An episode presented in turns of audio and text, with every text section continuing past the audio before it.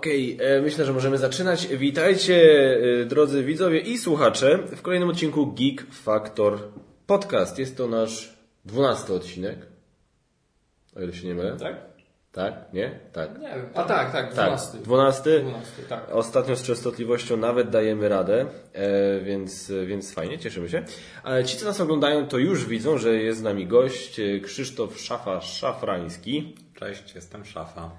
E, bardzo dziękujemy, że zgodziłeś się znowu u nas wystąpić. Toż to przyjemność. No, Bardzo lubię, jak ludzie mnie chwalą, że występuję w waszym podcaście.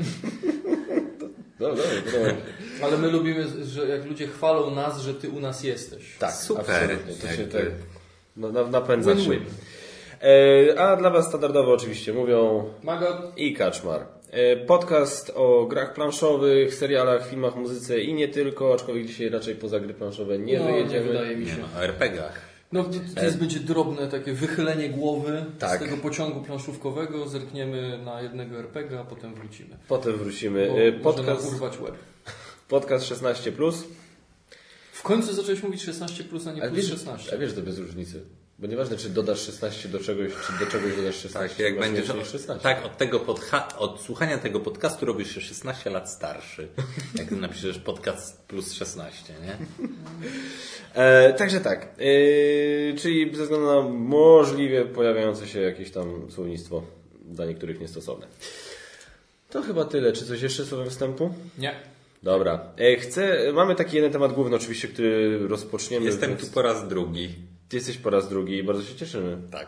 E, powiedz mi, dobra, to może zacznijmy od tego. A nie, mam Jak się uwagi domaga. Nie? Ej, jestem tu! No jestem, jestem atencyjną szmatą. Słyszeliście to tu po raz pierwszy oficjalnie z, z ust samego szafy, bo z innych ludzi to wszyscy już Ale usłyszeli co, to dawno. mi się podoba bardziej niż Attention Hall. Chyba już teraz tak Atencyjna szmata. Jak będziesz wrzucał jakieś takie posty typu ojej, bo oni tam grają, tu taki biedny, kręcę wideoinstrukcję, patrzcie na mnie, jak to mam źle, to faktycznie fajniej brzmi atencyjna szmatą. Tak jest. E, w ogóle, a propos, no, pierwszy odcinek, w którym się pojawiłeś, czyli odcinek dziewiąty, gdzie opowiadaliśmy o kondycji e, polskiego rynku z grami planszowymi. tak. No powiem szczerze, to bardzo ładnie, ładnie zagrało. W sensie fajnie się rozmawiało, oczywiście, by to, to już widzieliśmy w trakcie. A Jak to wiesz, czas mija w miłym towarzystwie. zawsze. I, e, ale też reakcja bardzo mi się podobała, bo chyba jest to tak patrząc... Najmniej kciuków w dół. Najmniej kciuków w dół. E, Bardzo, patrząc po komentarzach, które zresztą nie tylko w internecie, ale na żywo, jak ludzie podchodzili do nas chociażby nagramy. Jeden z chyba lepszych podcastów, jeżeli nie najlepszy, który dotychczas e, mieliśmy. Polsce. A to już w ogóle. Nie, no do mnie też się odezwało parę osób, których w ogóle nie spodziewałem się, że. No ja to tam rzuciłem w swoje sociale, ale też, że nie spodziewałem się, że tak dużo ludzi może to interesować. To też było bardzo dla mnie miłe. Ja też bardzo dziękuję za tę opinię. Stąd też pomysł, że, że się widzimy po raz kolejny. Oczywiście. E, słuchajcie, chcę tylko coś tutaj jeszcze sprawdzić. Jedną rzecz. Pika. Pika, pika, wszystko Pika pika. Tak, tak, tak. Sprzęt ostatnio nawalał, więc muszę tutaj co jakiś czas będę nie zaglądał. Tak? A kiedy, kiedy się coś stało? Nie Spa- wypadł mi ostatnio z kieszeni i tam. Aha, no, aha. tak. Co ci wypadło? Odbyt? I zaczynamy. Słuchajcie, Jak, dlaczego człowiek ze stomią jest zarozumiały? Bo wyżej sra niż dupę ma. Jezus. Dobre, dobre. Dziękuję. Będę sprzedawał. Tak. Dobra, to dziękujemy. Do zobaczenia Tak, za, to jest- w następnym nagraniu. Po to tylko prosiliśmy szafę. Tak. E, historyczne wydarzenie dzisiaj. I tutaj tylko skierowane bardziej do naszych widzów, słuchaczy z Gdańska i okolic. E, gdyż ponieważ Gdańska i Bronimy łezkę. Uronimy łezkę za kultowe miejsce na, scenie, na planszówkowej mapie Trójmiasta, czyli sklep Rebel na ulicy Matejki we Wrzeszczu. E, Zamknie swoje drzwi niepowrotnie 24 grudnia. Tak, było to dla mnie zaskoczenie. W sensie, no, ja, ja też tutaj bywałem przy, przejazdem, tak jak jeszcze dla innych firm pracowałem, też odwiedzałem jeszcze te rebelowe biura, które tutaj były rozrzucone w labiryntach za sklepem. No, realia rynku, nie? Troszkę tak dopadły. To jest tak jak, jak właśnie rozpamiętywanie starych, kultowych miejsc, które się zamykają, ale już ale się okazuje, że tylko słyszeliśmy o legendy o osobach, które tam przychodziły. No. Kurczę, ale powiem Ci, jestem w szoku, bo to jest tak, Rebel ma w tej chwili trzy punkty, jeszcze trzy punkty w Trójmieście, ma właśnie sklep na Matejki, wyspę w centrum Riviera i sklep w centrum handlowym Metropolia. Z tych trzech zostanie tylko sklep w centrum handlowym Metropolia. Od 24 grudnia w przód, y, a zamówienia internetowe już jakby z odbiorem osobistym będzie można robić od 17 grudnia tylko w, jakby z odbiorem osobistym w Metropolii. Ja osobiście byłem tylko w szoku, Ponieważ ja bywam czasami w Metropolii, ale to głównie dlatego, że tam jest e, ten taki plac zabaw i tam jakby mam wrażenie, jakby wszyscy rodzice nagle z całej mojej, z szkoły moich dzieci, wszyscy robią, wyprawiają tam urodziny, więc ja tam czasami się pojawiam. I tam zawsze na korytarzach jest pusto. W tych sklepach sprzedawcy siedzą przy biurkach na komputerach, nikt nie chodzi po tym, nikt nie ogląda. na pewno sprawdzają, znają, sprawdzają faktury i zamówienia i tak dalej. Ale i wiesz, trochę ludzi jest... Trochę ludzi jest przy żarciu, trochę w kinie, okej, w kinie jest trochę osób, No. ale poza tym to Nie, tam nie. strasznie- Chyba wiesz co, może sama metropolia jest takim drugotierowym, że tak powiem, centrum handlowym. Natomiast jest bardzo dobrze zlokalizowana, jest bardzo duży ruch ludzi wychodzących ze skm No ja zakładam, w sensie nie, nie zerkam w raporty sklepów stacjonarnych, bo to jest zupełnie nie mój dział, nie mój zakres kompetencji. No ale zakładam, że po prostu najbardziej rentowny, czy może jedyny rentowny, yy, zostaje. No, jakby ileś, yy, nie wiem, no, dla samej takiej, dla samej reputacji zostawiać sklep, w którym no, niewiele się już działo, no, to chyba, chyba to czeka, yy, w sensie, no, tak po prostu się dzieje. No.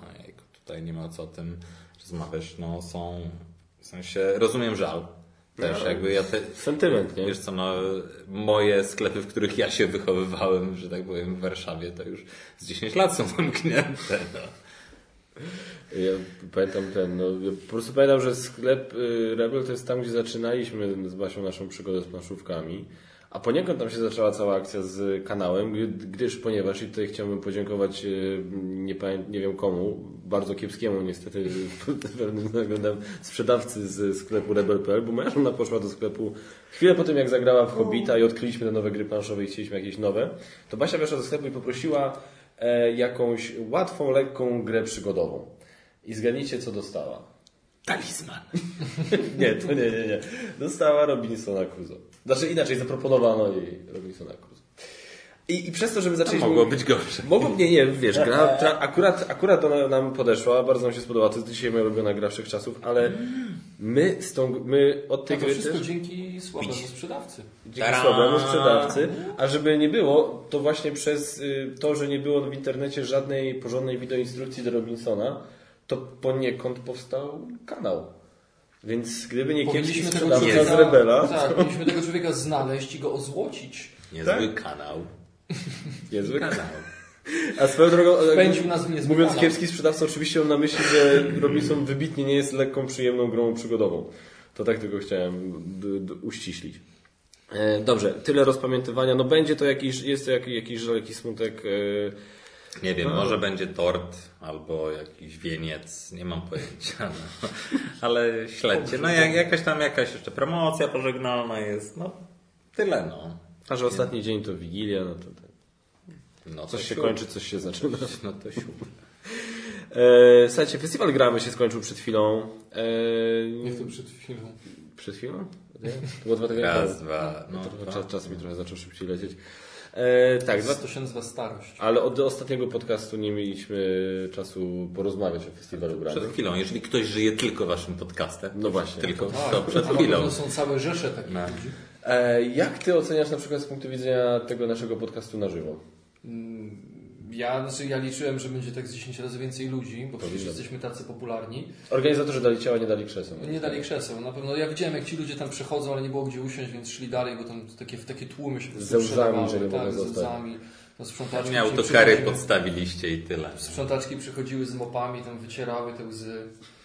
Yy, nie no, ja jestem bardzo zadowolony, że dostaliśmy ten czas, te dwie godziny, że dostaliśmy fajny sprzęt, y, z którego można było nagrać ten podcast tak de facto, te, te, mówię o tych mikrofonach. No tam ta pani, co tam się włączała, że tam właściciel samochodu, numerze rejestracyjnym, coś tam, no trochę irytowało, ale dało się przez nią gadać. No ale chyba takie warunki, no też w czasie wykładu były te przerwy, takie też. Ale publika dopisała, wszystkie krzesła były zapełnione, choć dużo ich nie było, ale myślę, że było tak akurat, bo jakby było więcej, to byłyby puste miejsca, coś mi się wydaje. Mogłoby tak być, mogłoby, tak być. No, to, to było, taka była decyzja właśnie, że wcześniej jak mieliśmy tą wydzieloną tą przestrzeń, taką wykłady, warsztaty, znowu bardziej krępujące było to, jak było pustawo, a tutaj te wykłady były krótsze, te spotkania z gośćmi, w związku z tym, jak, jak było troszeczkę więcej, y, jak było troszeczkę więcej ludzi, no to odstali ten krótki czas, a jak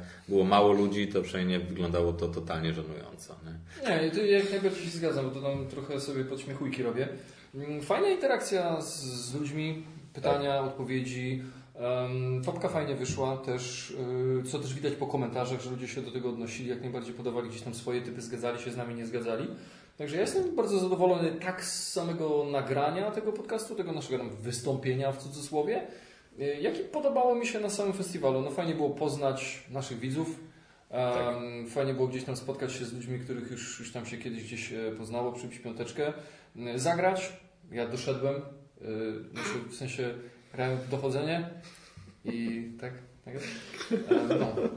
I bardzo mi się podobała wystawa modeli tam przy okazji drugiej edycji X-Winga i tego całego turnieju.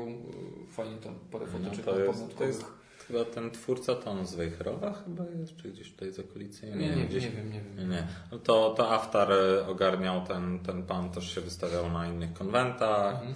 tą galerią. No, fajnie, że, że Nie, no mi się, No, mi się bardzo podobało, szczególnie, no. że tam był praktycznie chyba rzeczywistych rozmiarów ten taki droid bojowy tam z prequeli, czy tam sobie z jodą można było usiąść pod y, tą, No. y, tą fregatą medyczną, tak? Tylko trochę żałowałem, że jak już, jak już byliśmy wolni, to y, nie mogłem, już tam nie, nie widziałem tych kolesi, co chodzili przebrani za szturmowców, żebym tam sobie nimi fotkę To jest, to jest ten 501 Legion, to jest taka międzynarodowa w ogóle organizacja zrzeszająca rekonstruktorów Gwiezdnych Wojen i jest właśnie ten, jest ten polski oddział, czy w ogóle pomorski oddział. Są te Star Warsowe dni w Wejherowie, był też ten taki, mm, też był duży festiwal w Toruniu. Tu jest, to jest dość aktywny rejon, taki też Star Warsowy. Okej. To nawet nie wiedziałem, nie miałem pojęcia. Y, overall, czyli y, summa summarum, mi się podobało. Jestem Nie, zadowolony. Nikt mnie nie olał, nie poszedł sobie na tam jakieś kawki, herbatki czy inne. Olałbym cię, ale nie było herbatki z rebelem, więc A, nie miałem okazji. Było to poruszane, myślimy nad jakąś formułą, żeby Wam to zrekompensować, z tego co wiem. O, Nie, nie, no w sensie... To dajcie teraz zaproszenie imienne dla niego, bo mi spokoju nie da.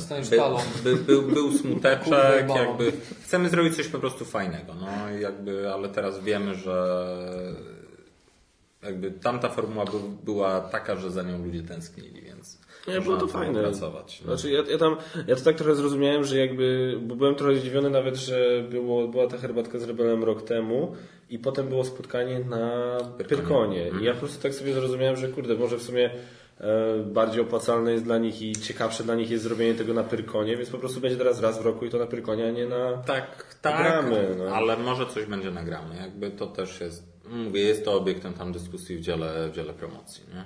No okej, no, to się cieszę. Ja tylko chciałem powiedzieć, że y, może się okazać, że chyba jednak y, my jako Geek Factor mamy jakiś, przynajmniej mały, ale realny bardzo wpływ na to, co się dzieje, gdyż ponieważ zrobiliśmy podczas podcastu topkę najbardziej niedocenionych naszym zdaniem gier i zarówno u Ciebie, jak i u mnie na pierwszym miejscu był Steamworks, czyli Wiek Pary.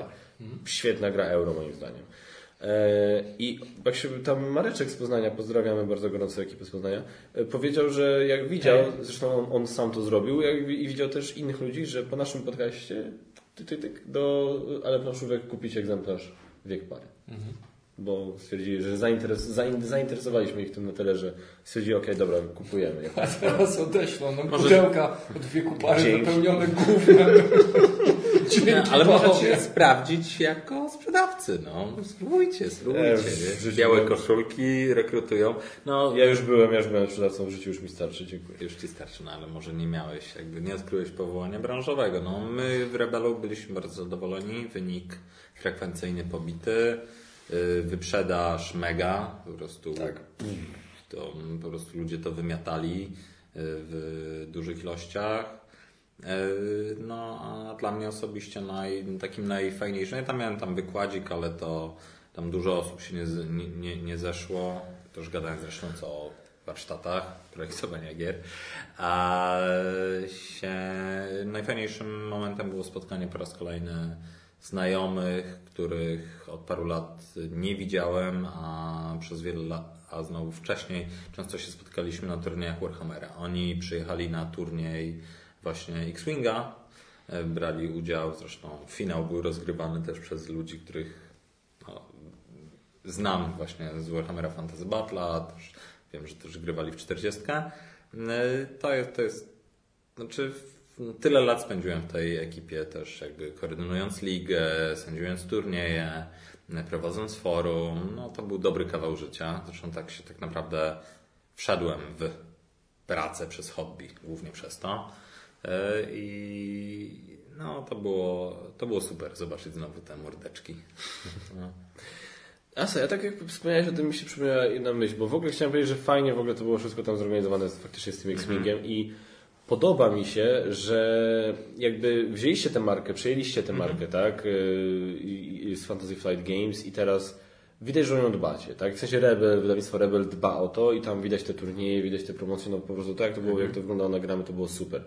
I mi się teraz skojarzyła taka myśl, ponieważ dużo osób, jak tylko było, padło hasło, że Asmodee kupuje Rebela, no to tam, że zwiastowało upadek pewnego krakowskiego wydawcy, że po prostu już koniec, lipa, teraz Rebel będzie wydawał wszystko, co Fantasy Flight Games robi. I ja tak i potem niedawno było, i później było ogłoszenie, że właśnie bierzecie X-Winga, a jeszcze później było ogłoszenie, że pojawi się trzecia edycja horroru Warcam i to z kolei poszło do właśnie Galakty, tak? I teraz ja tak sobie pomyślałem, że to, aha, dobra, to może wynikać z tego, że to, że oni są teraz razem jako Fantasy Flight Games i Rebel pod Asmodee, to to wcale nie oznacza, że teraz Rebel będzie brał wszystko, co wychodzi z Fantasy Flight Games. Może to być na zasadzie jakiegoś prawa pierwokupu albo czegoś w tym stylu, ale ja- sobie wyobrażam, że wiesz, no ładowanie się w horror Warcam, gdzie umówmy się, Fantasy Flight wydaje na zasadzie, wydam grę i pierdylion dodatku, więc to jest inwestycja czasu i zasobów na jakiś tam czas, więc stwierdziliście, ok, przy X-Wingu chcemy to zrobić, ale przy horror Warcam To na pewno, jakby to, jakby te analizy, ja nie odpowiadam za kontakty takie biznesowe z, ze studiami w grupie Asmoda. Ja z nimi tam proceduralnie i pomagam jakby w komunikacji, ale te decyzje są na wyższym szczeblu podejmowane. E, tak, były jakby były o tym rozmowy. Natomiast z tego co ja akurat wiem, to horror Arkham byśmy nawet chcieli, natomiast to też było jakby Galakta to byłoby nieuczciwe wyraźnie. E, Z tego co kojarzę, to po prostu to jeszcze taka dżentelmeńska umowa, że skoro oni inwestowali w tą linię przez lata, mieli to jakoś opracowane, zresztą co, no, my musielibyśmy stworzyć nową na przykład nomenklaturę, bo nie moglibyśmy jakby pozyskać ich tłumaczenia, tak, w sensie musielibyśmy za nie zapłacić, jakby dokonać przeniesienia praw po prostu to było, to było jakby myślę lepszym zagraniem tak e, w tej skali. Galakta, no tak samo z Keyforge'em, nie? My też byliśmy do pewnego momentu, my byliśmy przekonani, że Galakta ma Keyforge'a, e, a dopiero później my dostaliśmy jakby ofertę na to. Okej. To jeszcze, ponieważ no, to jest ten okres, no ile? To nie cały rok, tak? To jest, będzie co, dziesiąty miesiąc mija od, od kupienia, a niektóre gry jakby obiecywane są, czy zakontraktowane z, z, z większym wyprzedzeniem. Tak, tak. I jakby te, jakby te, te umowy jeszcze trzeba do, domknąć. Jakby my też zresztą, no, wydajemy bardzo dużo gier. I Wy nie.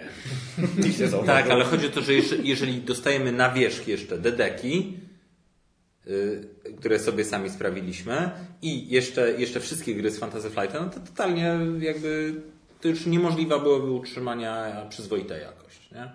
Więc zanim jakby zanim zwiększymy przepustowość, żeby tak duże gry jak y, produkty FFG yy, będziemy w stanie płynnie produkować, no to, to nie ma co być chciwym. No tak samo przecież ze studia Playhead Games, czyli to, co wydaje Cube, nie? tak jak były te e, Mice and Mystics, mhm. e, czy, czy ta e, Martwa Zima, tak? z tego studia. Kolejne produkty przecież e, też póki co e, idą, idą do Cuba. Nie? No tak. No, bo, bo po prostu no, nie ma co być chciwym, łapczywym, kiedy no, my zrobimy krzywdę w ogóle w naszej firmie partnerskiej w Stanach, tak? Że, że nie że nie dopieścimy tego. Nie? No tak. Więc lepiej, żeby to inne studio, w sensie inna firma zlokalizowała w Polsce i normalnie przypilnowała to jako ważny produkt w ich portfolio. No. Jasne, że tak. Y, dzięki, dzięki właśnie tak byłem właśnie ciekawy, jak to tam wygląda z tej drugiej strony. Y, kolejna rzecz, którą jeszcze chcę wspomnieć. Y, na poprzednim podcastie, na którym był Szafa, wspomnieliśmy tylko i pogratulowaliśmy bardzo udanego startu kampanii na Wspieram to Zew Ktulu, która wtedy miała uzbierane 60 tysięcy złotych. Jak myśmy rozmawiali. 60 tysięcy to był próg chyba. Ale myśmy, oni chyba nie mieli uzbierane... W 23 minuty się ufundowali. A nie, to może oni mieli, ale to, to może było 120? Co? Już. Drob, dro, drobne w porównaniu do wyniku końcowego. No, w każdym no, razie. No, jakby to, nie pamiętam którego to dokładnie było, ale ja też nie mogę sobie to dość szybko. No, jest tak, że zazwyczaj jest, e, jest pierwszego i jakby, że ten wykres wpłat jest mniej więcej symetryczny. Nie? Mhm. A tutaj właśnie przekroczył, ten wynik przekroczył oczekiwania, ponieważ ten pik przy końcu, ze względu też na jeszcze mocniejsze działania promocyjne, w pewnym momencie w ogóle się włączyło Wspieram to. Ja nie wiem, ja dostałem na przykład SMS-a o tym. Nie wiem, czy... Mhm. Tak? Też dostałem. Też dostałeś, tak. no. Jakby, więc y, jakby jak Wspieram to chyba wyczuło, że idzie na rekord, no jak już przebiło Biblię jakiegoś tam coacha i coś tam, e, to jakby no, dla nich to też. Jak, jak, bo później Marcin Galicki, e, założyciel, e, był w telewizji śniadaniowej, no to miał się czym pochwalić. Tak? Pierwszy milion na polskim tak, crowdfundingu. Tak. No, wielka, wielka, wielka rzecz, naprawdę gratulujemy. Świetnie wykonanej roboty, jakby osobiście gratulowałem Darii i Lisowi. E, Kubie Polkowskiemu, który tą kampanię zaprojektował, e, no, ogromnej ilości ludzi, którzy też to wspierali. No, to jest po prostu tak wysoko postawionej poprzeczki, no dawno nie mieliśmy. To jest, to jest, to jest niesamowicie dobrze wykonana robota i y, no, nie spodziewali się tego. Bardzo, bardzo skromnie cały czas nie dowierzali. Nie, czy tam bańki nie będzie. Nie, to... nie, nie. Jaka, jaka bańka? Jaka bańka? Super. No więc taka bańka, no więc bardzo się cieszymy, bo to, to też bardzo dobrze świadczy i też w bardzo fajnym świetle moim zdaniem stawia całe hobby. Całą branżę, nie? No bardzo też dobrze prognozuje na dalsze jakby działania może innych firm jeszcze w RPGach. E, nam daje też nadzieję na bardzo dobre wyniki D&D. Zobaczymy. Zobaczymy to jakby, jakby good job.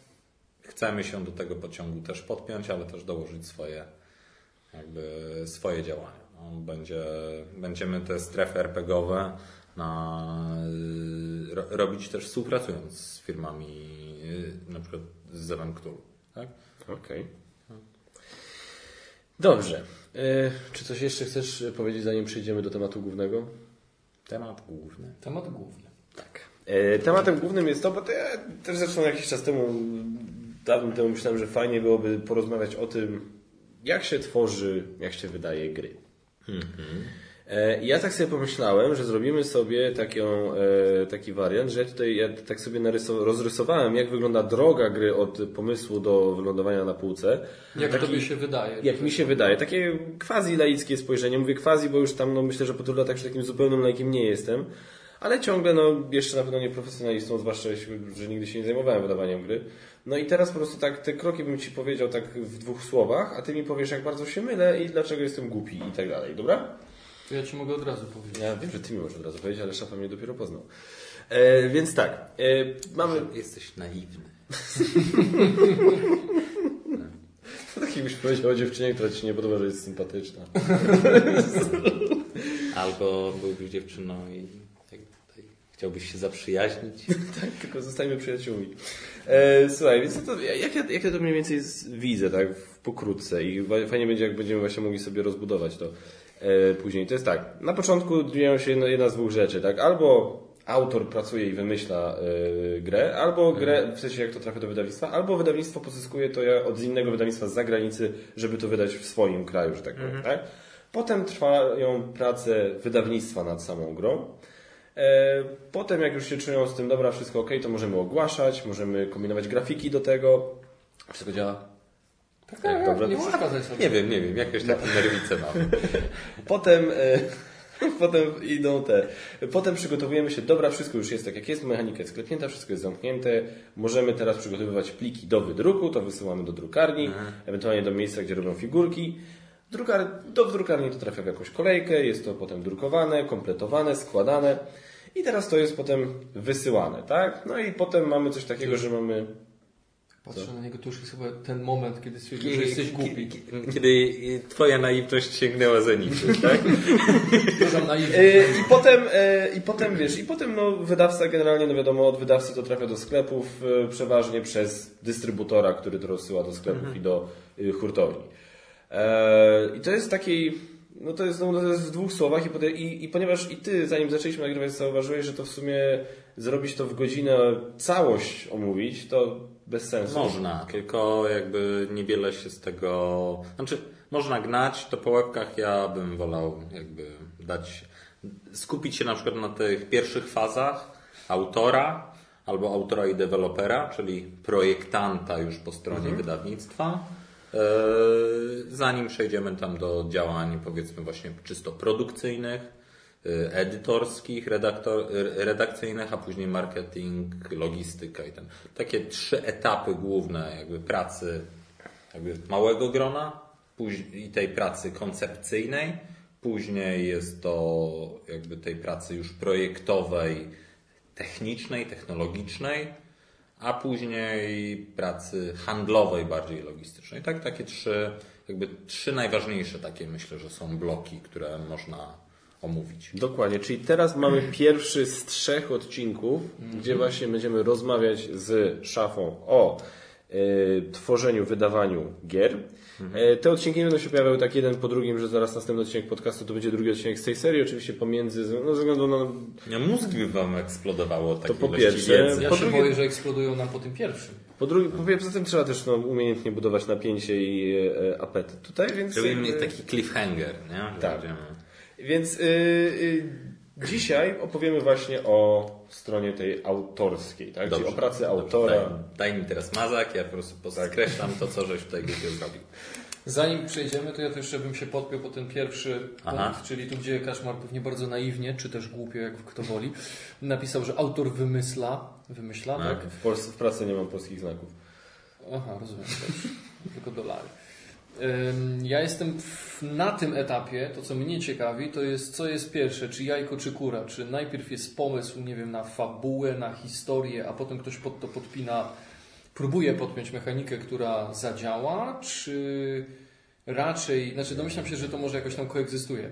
Czy raczej jest tak, że ktoś ma w głowie mechanikę, a potem, potem jakoś pod to podpina sobie fabułę, żeby to fajnie wyglądało? I też jestem ciekaw, czy ty ja ze swojego doświadczenia jesteś w stanie powiedzieć, co ma miejsce częściej, o ile da się stwierdzić. Cukrem czy mlekiem? Tak. Więc. E, e, jest. E, metod jest tyle co autorów i ta proporcja jakby nie jest do opisania. Znaczy. Bardzo ciężko jest to zbadać, ponieważ e, jakby nie sposób jest przepytać ty, tyle osób, po drugie te osoby nie, nie pamiętają, będą oszukiwać, jakby e, w sensie nie pamiętają tego i będą jakby swoje raczej przekonania niż twarde dane tutaj podawać. E, Są, te dwa podejścia są sobie jakby równoważne tak naprawdę, w zależności od typu gier, metody pracy, y, motywacji do tworzenia, właśnie jak ten, jak ten proces w ogóle został zainicjowany, tak? Czy to jest y, tworzenie samego dla siebie, tworzenie na zlecenie, tworzenie z kimś, dopracowanie jakiegoś pomysłu, ale najpierw chciałem tutaj skorygować y, myślenie Kaczmara. Tutaj przesunąć przede wszystkim musisz to, nie? Autor wymyśla, później następują prace nad grą, tak, grafiki i ten. I to na tym etapie też może wejść, że gra licen- na licencji lub zlokalizowana wchodzi do wydawnictwa, gdzie jest przygotowane są pliki do druku. Na podstawie zredego- do zredagowania idzie Okej. albo tekst od autora, albo do przetłumaczenia i zredagowania tekst z wersji obcojęzycznej. Tak? I później następuje ten proces druku, skład druk, yy, cała ta, yy, tak, czy, czy robimy figurki w tej samej fabryce co tektury, elementy tekturowe, czy to w dwóch różnych fabrykach, czy jeszcze drewno też z jeszcze innego miejsca zamawiamy. Różnie jest. Czasami karty zamawiam tylko z jednej fabryki, a karton w innej, w sensie tekturę w innej. Później to już jest rozdysponowanie między właśnie na Wydawca to odbiera, przesyła to do dystrybutora, który przesyła to do sklepów. W przypadku polskiego rynku jeszcze jest to, jest to dość specyficzne i w przypadku rynków, gdzie jest mały, właśnie te rynki są małe, yy, są firmy, które obsługują jakby wiele poziomów tej dystrybucji, czyli zarówno są importerami bądź wydawcami, jak i dystrybutorami, a czasem jeszcze dysponują własnym, własnym sklepem. Tak? I w Polsce tak jest że właśnie chociażby Rebel, ale też Bard, czy e, Cube, czy G3, tak, mają zarówno swoją sprzedaż detaliczną, dystrybucję, jak i lokalizację bądź dział ten tworzenia gier, badań i rozwoju, czy coś. Czasami czegoś nie ma, na przykład firma Trefl jest, ma fabrykę znowu, ale ma też biuro lokalizacyjne, jak i dystrybucję, natomiast nie ma własnych sklepów, oprócz sklepu internetowego. Tak więc są przeróżne jakby kombinacje tego. W Stanach Zjednoczonych, gdzie ten rynek jest ogromny w porównaniu do naszego, jak również bardziej wyspecjalizowany, to ma jakby często te mm, te firmy zajmują się tylko jednym konkretnym segmentem. Czyli jeżeli ktoś jest importerem, yy, lok- lokalizuje i wydaje gry na rynek amerykański, to w ogóle nie jakby sprzedaje cały nakład dystrybutorom i w ogóle o tym zapomina. Nie, nie ma żad, nawet własnego, nie musi mieć własnego magazynu, tak? Wszystko leci w tamte miejsca, tak? Yy, Natomiast jeżeli coś jest dystrybutorem, no yy, nie wchodzi w konkurencję ze sklepami, nie ma żadnej sieci y, sprzedaży bezpośredniej swojej własnej czy sklepów internetowych. Tak? Jest to mocniej rozłożone. Tak samo też wtedy dystans między autorem a sklepem docelowym, to wszystko, mm, co jest pomiędzy nimi, jakby dla autora w Stanach, jakby to jest, jakby on nie widzi już tego za krzywizną ziemi, nie? U nas jest to dużo bardziej wymieszane, tak? Często właściciel firmy który zarządza sklepami, jednocześnie gra e, w grę e, razem z autorem, tak, to mamy po prostu mniejsze te firmy, mniejsze pieniądze za tym, e, mniej jakby, i też taki mniejszy dystans mentalny i, łańcuch zarządzania jest też troszeczkę krótszy. Powiedział za krzywizną ziemi. Nie wierzy w płaską ziemię, możemy się kumplować. Jak to jest, że tak, płaskoziemcy, tak, kiedy ogłosili swój zlot wszystkich z całego globu chyba. All around the globe. E, no, e, więc, tak, tutaj przesuniemy. I wracając do Twojego tematu, zostałem też pochwalony za to, że doskonale wracamy do dygresji. Także, że potrafimy jakby wrócić do porzuconych tematów, że to się nie gubi. Hmm. Znaczy może ty możesz, ja to mam pamięć rytmu. Ty już nie pamiętasz, to, to ja Ci powiem co. Nie pamiętam o co się nie, nie. pytał w ogóle. Może to pamiętam. E, Więc e, tak jak powiedziałem, to bardzo zależy. Tak, są ludzie, którzy w sensie obie metody są poprawne. W przypadku gier, które się opierają na mechanice, wyjście od mechaniki ma większy sens. W przypadku gier, które mają głównie opowiadać historię, bardziej od tego. No jakby tutaj już o teorii, jakby właśnie o aspektach gamistycznych, narratywistycznych, symulacjonistycznych gier, czyli teorii Rona Edwardsa, nie będziemy na razie tego poruszać. Nie? A co to jest teoria? Y, GNS, sobie zgooglaj, nie? Świetny gość. Nie, no jakby to... Zapisz to. Na początku lat 80. na grupach internetowych było, e, było, e, było roz, jakby analizowane właśnie co, co w grach ludzi pociąga, tak? W sensie gra, e, RPGowców, bo to wtedy to było na topie. No i właśnie aspekty, czy jesteś gamistą, czyli chcesz grać mechanikę, w naszym, znaczy, czy cię jara w grze mechanika, eurogracza, tak? Narratywistą, czyli bardziej cię interesuje fabuła, tak? Narracja, story, które pamiętasz z gry. Yy, czy symulacjonistą, czyli czy gra przedstawiona w, w sensie, czy dobrze reprezentuje rzeczywistość, to są gry wojenne na przykład. Nie? Bo w, tym, w tej walce pomiędzy euro i amer często zapomina się o tych symulacjonistach. No, w przypadku różnych gier to różne rzeczy można tam poruszać. No i teraz jest tak, że po prostu udział tych grup yy, w sensie, to nie jest tak, że ty jesteś w 100% jednym. Nie?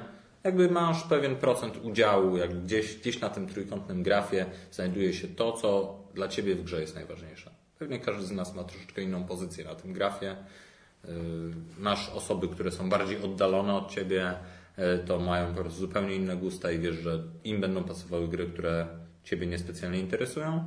Jest, na pewno jest jakiś psychotest na to, yy, na pewno e, e, na pewno można to sobie e, ogarnąć. E, Mam o tym wykład, to jest e, to może na inną okazję. E, I to w ogóle chodziło o to, że w sensie ja wiem, że tamta gra jest dobra, ale jest nie dla mnie. I jakby to do tego na przykład można sobie analizować. Nie? Że, no dlatego też są różne kategorie gier, tak, prawda, i różni nich siadają. Yy, yy, yy. Tak, więc mechanika bądź fabuła. Yy, pytanie, co Cię właśnie inspiruje? Dlaczego siadasz też do tworzenia gry? Tak? Jeżeli masz na przykład, jeżeli jest to inspiracja, którą czerpiesz właśnie z rzeczywistości otaczającej Cię, zobaczyłeś jakiś właśnie e, jakiś diagram, zobaczyłeś, obejrzałeś jakiegoś newsa, przeczytałeś jakąś książkę, obejrzałeś film, czy zjawisko atmosferyczne, no to wtedy z, in, z czegoś takiego czerpiesz. Ale na przykład jeżeli chcesz zrobić lepszą wersję jakiejś gry, albo dostajesz zlecenie, że musisz zrobić grę tak, tak, taką, no to wtedy wyjdziesz od drugiej strony. Też pytanie właśnie, czy jesteś bardziej storytellerem, narra, jakby chcesz narratorem, czy właśnie matematykiem, tak, że najpierw wrzucisz jakiś, najpierw przeliczysz sobie arkusz, e, policzysz e, wszelkie dane statystyczne tego zbioru liczbowego, wiesz, że chcesz to zrobić na tylu i tylu kartach. No właśnie, jakby też twój mózg może inaczej, inny, yy, jakby najpierw wolisz narzucić sobie ograniczenie i, te, tą przestrzeń wypełniać, tak? albo zacząć pisać tyle pomysłów, ile masz, ile ci siada w głowie na przykład na nazwy kart, na ich umiejętności, na różne potwory i pisać, aż ci się skończy inspiracja, tylko później to na przykład uzupełniać. Jakby nieważne jest od czego zaczniesz. E, e, Różnie, po prostu różnych narzędzi będziesz stosował, ale wynik na końcu, najważniejsze jest to, żeby zaprezentować coś, co ludziom daje radochę. I, I tylko to się liczy. Jak do tego dojdzie? Nie możesz zapominać o tym, że po pierwsze ludzie będą różnie spoglądać na te gry i jak w procesie testów będą, e, będą dawać Ci przeróżne tam swoje diagnozy, które będziesz słuchał lub nie, e, ale przede wszystkim muszą się dobrze bawić. I część opinii będziesz brała, brać pod uwagę, będziesz je jakoś ważyć sobie w głowie, no ale yy, naprawdę nie jest ważne, z czego ci to wyjdzie. Yy, tak samo jak, nie wiem, fabułę, fabułę książki, tak? Możesz zacząć od dialogu, tak? Albo od opisu konkretnej rzeczy, czy od yy, z, nie wiem, jeżeli będziesz pisał kryminał, to ważniejsze będzie sam, sam ten moment kulminacyjny rozwiązania śledztwa. Tak? Więc yy, Ważne jest, żeby mieć się od czego, jakby, gdzie zarzucić tę wędkę, nie? Gdzie, gdzie, gdzie, jakby, gdzie błądzi twój umysł, który jakby autor musi mieć swoje jakieś tam predyspozycje, musi mieć tą iskrę twórczą artysty, ale to jest 10-20% powiedzmy. Reszta to jest po prostu rzemieślnik wykonujący ciężką pracę. Dłubiący w tym projekcie yy, po, jakby po tej pierwszej inspiracji, dłubiący latami czasami.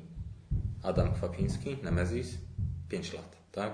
Od, od już grywalnego prototypu, który pokazywał mi między innymi, y, do wylądowania gra, gry w takiej formie na półce. No, e, no i co? No, w momencie, jak dostajesz tą iskrę od bogów, czy tam inne neutrino, które ci zapala, e, zapala pomysł, ok, mam grę, tak? Jakby to będzie gra węża, albo jakieś tam, albo jakieś tam draftowanie, albo cokolwiek. E, siadasz i pierwsze, co musisz zrobić, to oprócz jakiegoś tam właśnie przelać to na materiał fizyczny. Papier albo woreczek z kamykami, bo to może być jakaś gra w losowanie, y, y, to może być, czy jakiś gadżet może wymyślisz, tak? który będzie grywalny, jakaś, jakaś zapadnia, y, taka ta, ta studnia z Shoguna, tak? Cokolwiek, nie? Mhm. Ale musisz mieć coś fizycznego. Coś, od czego jakby zacznie się Twoja praca. Pomysły ma każdy. Pomysły są za darmo. Pomysłów nie da się ukraść, pomysłów nie da się sprzedać. Prawa autorskie i jakby cały proces twórczy zaczyna się od momentu stworzenia fizycznej, fizycznego, namacalnego dowodu na jakby już z, zmaterializowanie twojego, twojego pomysłu. Tak? W pierwszy, pierwszy zrąb prototypu. I, no i tyle. No i musisz mieć tą wytrwałość, żeby z tego pomysłu stworzyć coś, co już będzie reprezentowało na przykład stan gry na stole. Także już wiesz, kurde, no to muszą być jakieś tam jakieś kamyczki, to je wezmę z tej gry, tu jest jakaś talia, do której wsadzę w protektory i wrzucę sobie jakieś karteczki, na tym narysuję jakieś stworki, yy, zrobię planszę heksagonalną z jakiejś innej gry, sobie to porozkładam i, i to wszystko sobie rozłożę i to sobie siada. Nie? Jakby Teraz mam ten stan, jakby co jeszcze potrzebuję, potrzebuję drugiego gracza, no to jemu też zrobię talię na przykład do tych akcji. Yy, I w tym momencie jakby widzisz mniej więcej co chcesz dalej. Nie? Jakby, czy, czy, czy to w ogóle ma. wiele osób nie dojdzie w ogóle do tego etapu, że już ma e, to jakby rozłożone, naszkicowane. Już tutaj nie mówimy o przeliczalności, no ale y, mówimy o czymś, co już ma kształt fizyczny. I na tym wtedy możesz zacząć grać z lustrem, tak? ze sobą, e, zacząć właśnie, czy myśleć o wariancie solo, wymyślić sobie fragment w grze, który chcesz analizować. Tak? E, czy nie ma sensu jakby wymyślać na przykład wszystkich postaci. Tak? No, do gry fabularnej, w której będziesz grał jedną postacią, wystarczą ci właśnie jedna czy dwie. E, stwórz je i od nich dopiero będą powstawały kolejne. Tak? Jeżeli plansza duża, myślisz o jakiejś grze, nie wiem, właśnie Area Control, to, ale na przykład chcesz mieć w tym modularną planszę, wymyśl najpierw na statycznej. Tak? Dopiero później ją potniesz i będziesz robić drugą stronę, obracane elementy. Zredukuj sobie tą robotę. Tak? Mhm. Jeżeli na tym etapie nie musisz się zastanawiać, jakie będą najbardziej sprawiedliwe zasady liczenia punktów ważne jest, jaki, jaki będzie przebieg tej gry. Tak? Na przykład, gdzie jakby jaką sytuację masz na przykład na stole i w jaki sposób chcesz rozegrać konflikt. Myślisz o matematyce na przykład, czy to będą rzuty kostką, czy stali. Zaczynasz od takich drobnych elementów, które albo ci zaczną pasować, albo nie, srób ze stołu i jakby no na tym etapie jakby takim gdzie jeszcze nie zainwestujesz za dużo swojego czasu, no złe pomysły jest łatwo odrzucać. Problemem jest autor, który zabrudnia za długo swój zły pomysł i no, poświęci się po uszy w, i zakocha się w czymś, co no, no, nie ma racji no, do, jakby, żeby to dostarczyć. A powiedz mi, y, ty, bo ty generalnie y, swoją jakby właśnie tę wiedzę albo doświadczenie bierzesz z, ze współpracy z naszymi polskimi autorami głównie, czy jakby sk- skąd ty czerpiesz, byś powiedział głównie swoje, to wszystko, co teraz właśnie mówisz? Doświadczenie jakieś. Dużo gram w prototypy. Wcześniej dużo grałem po prostu w różne gry i lubiłem je poznawać w głąb, jakby rozpracowywać. Tak? I staram się grać świadomie.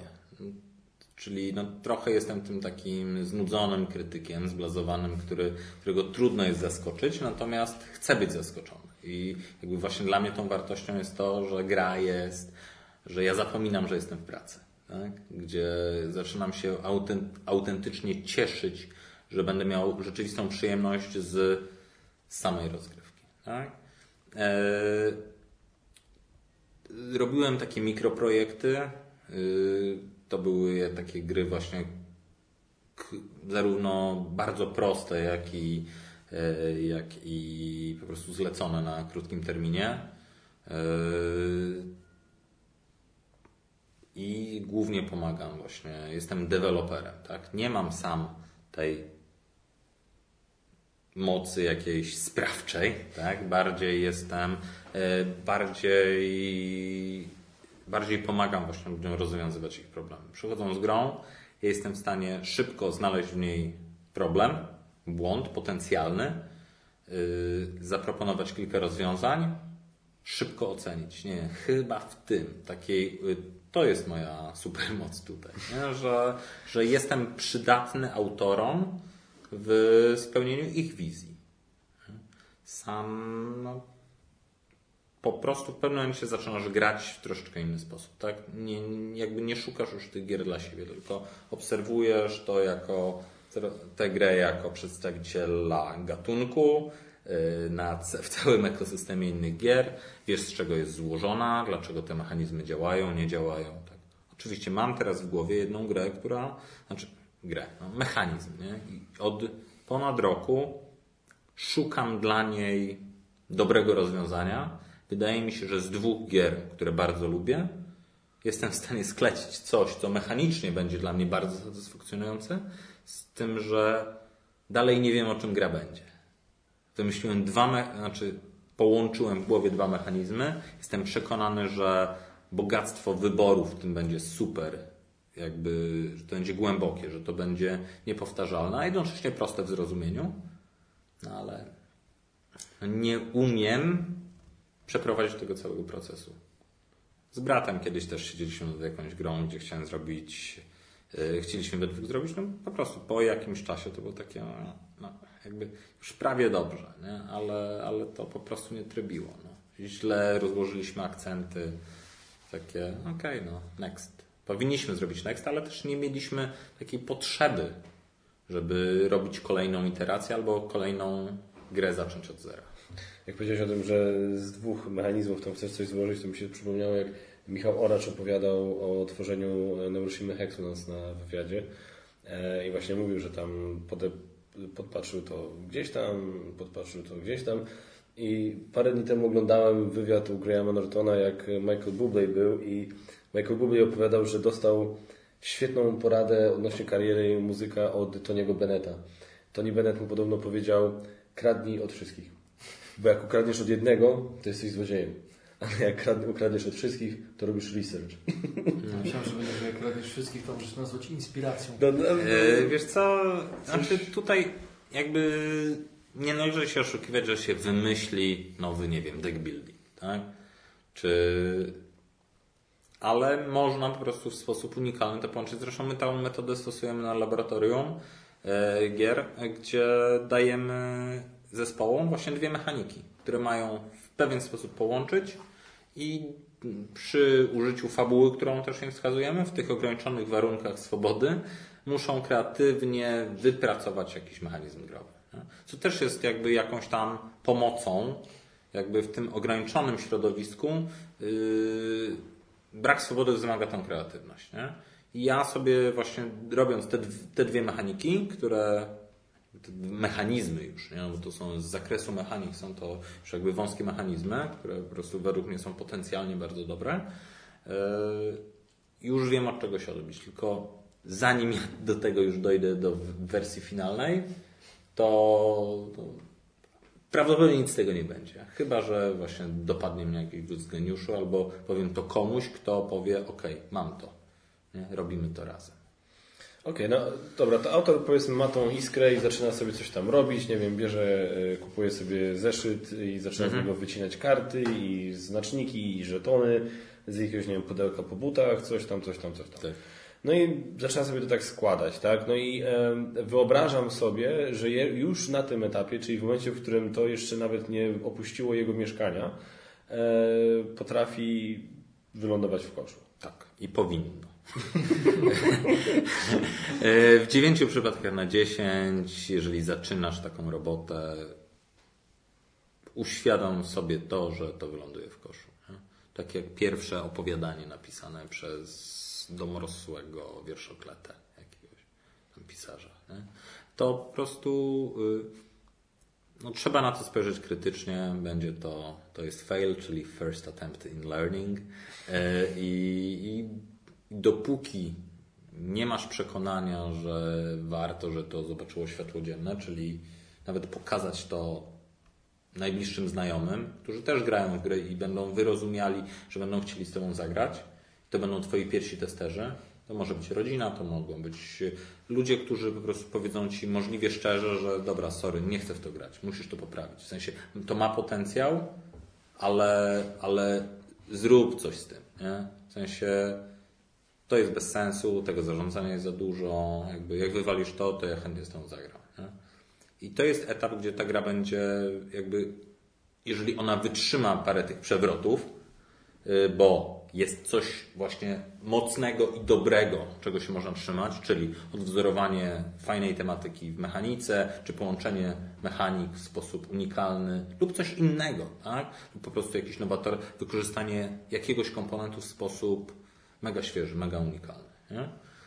który już myślę, w sensie jest dla nas czymś nowym. Nie? To, to też bardzo lubię, o Jezu.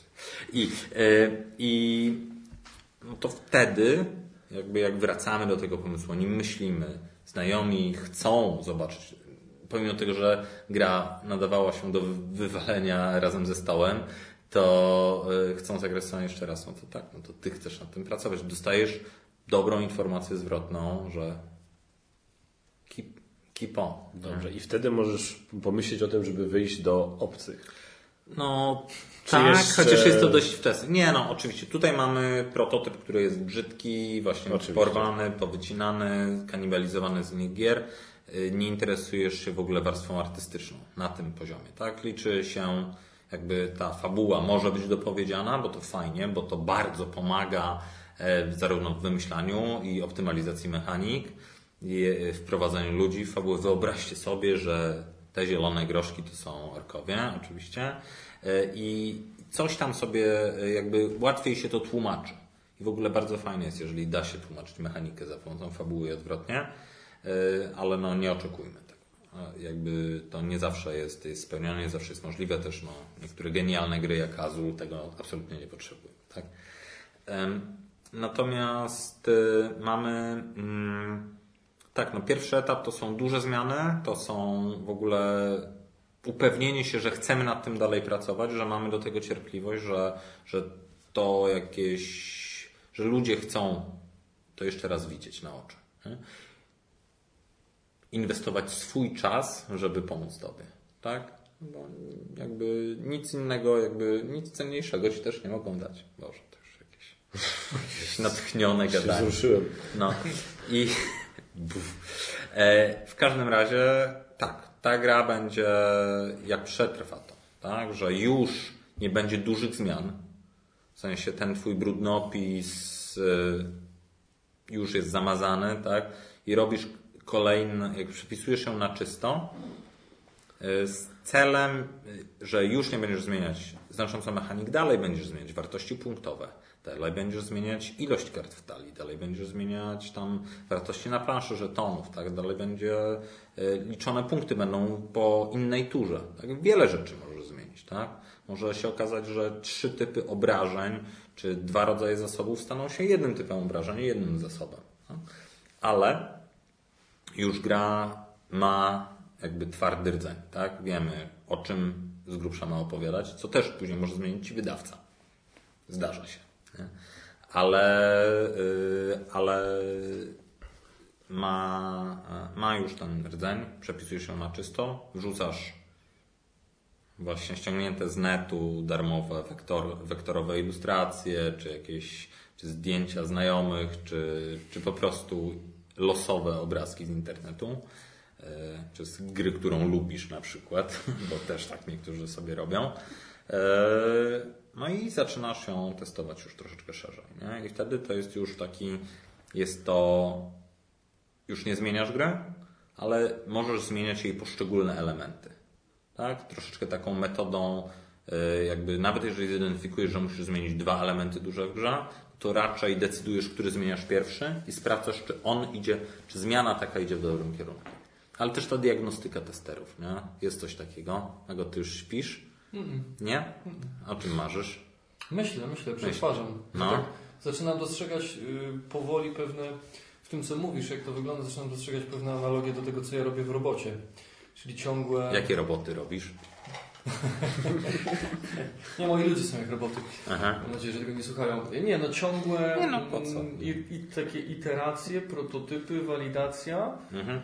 Poproszę soku. E, ciągle raz, raz za razem, raz za razem i właśnie walidowanie własnych tez i tego Mhm. sprawdzalności tego i w wypadku gry grywalności, tak? I Tak. jakiejś frajdy, która z tego idzie i feedback, czyli informacje zwrotne od użytkowników, testerów, w tym Mhm. wypadku tam znajomych mniej lub bardziej. Mhm. To tak sobie przetwarzam w głowie. Ale to, ale w przypadku na- projektowania gry wideo to już w ogóle jest Mhm. tak dużo wspólnego. Nie? No. Też, że najpierw powstaje prototyp taki na jakichś darmowych sprite'ach, e, a czy, czy, wręcz już właśnie jakichś takich bezimiennych obiektach 3D, które jedynie są kolorowe.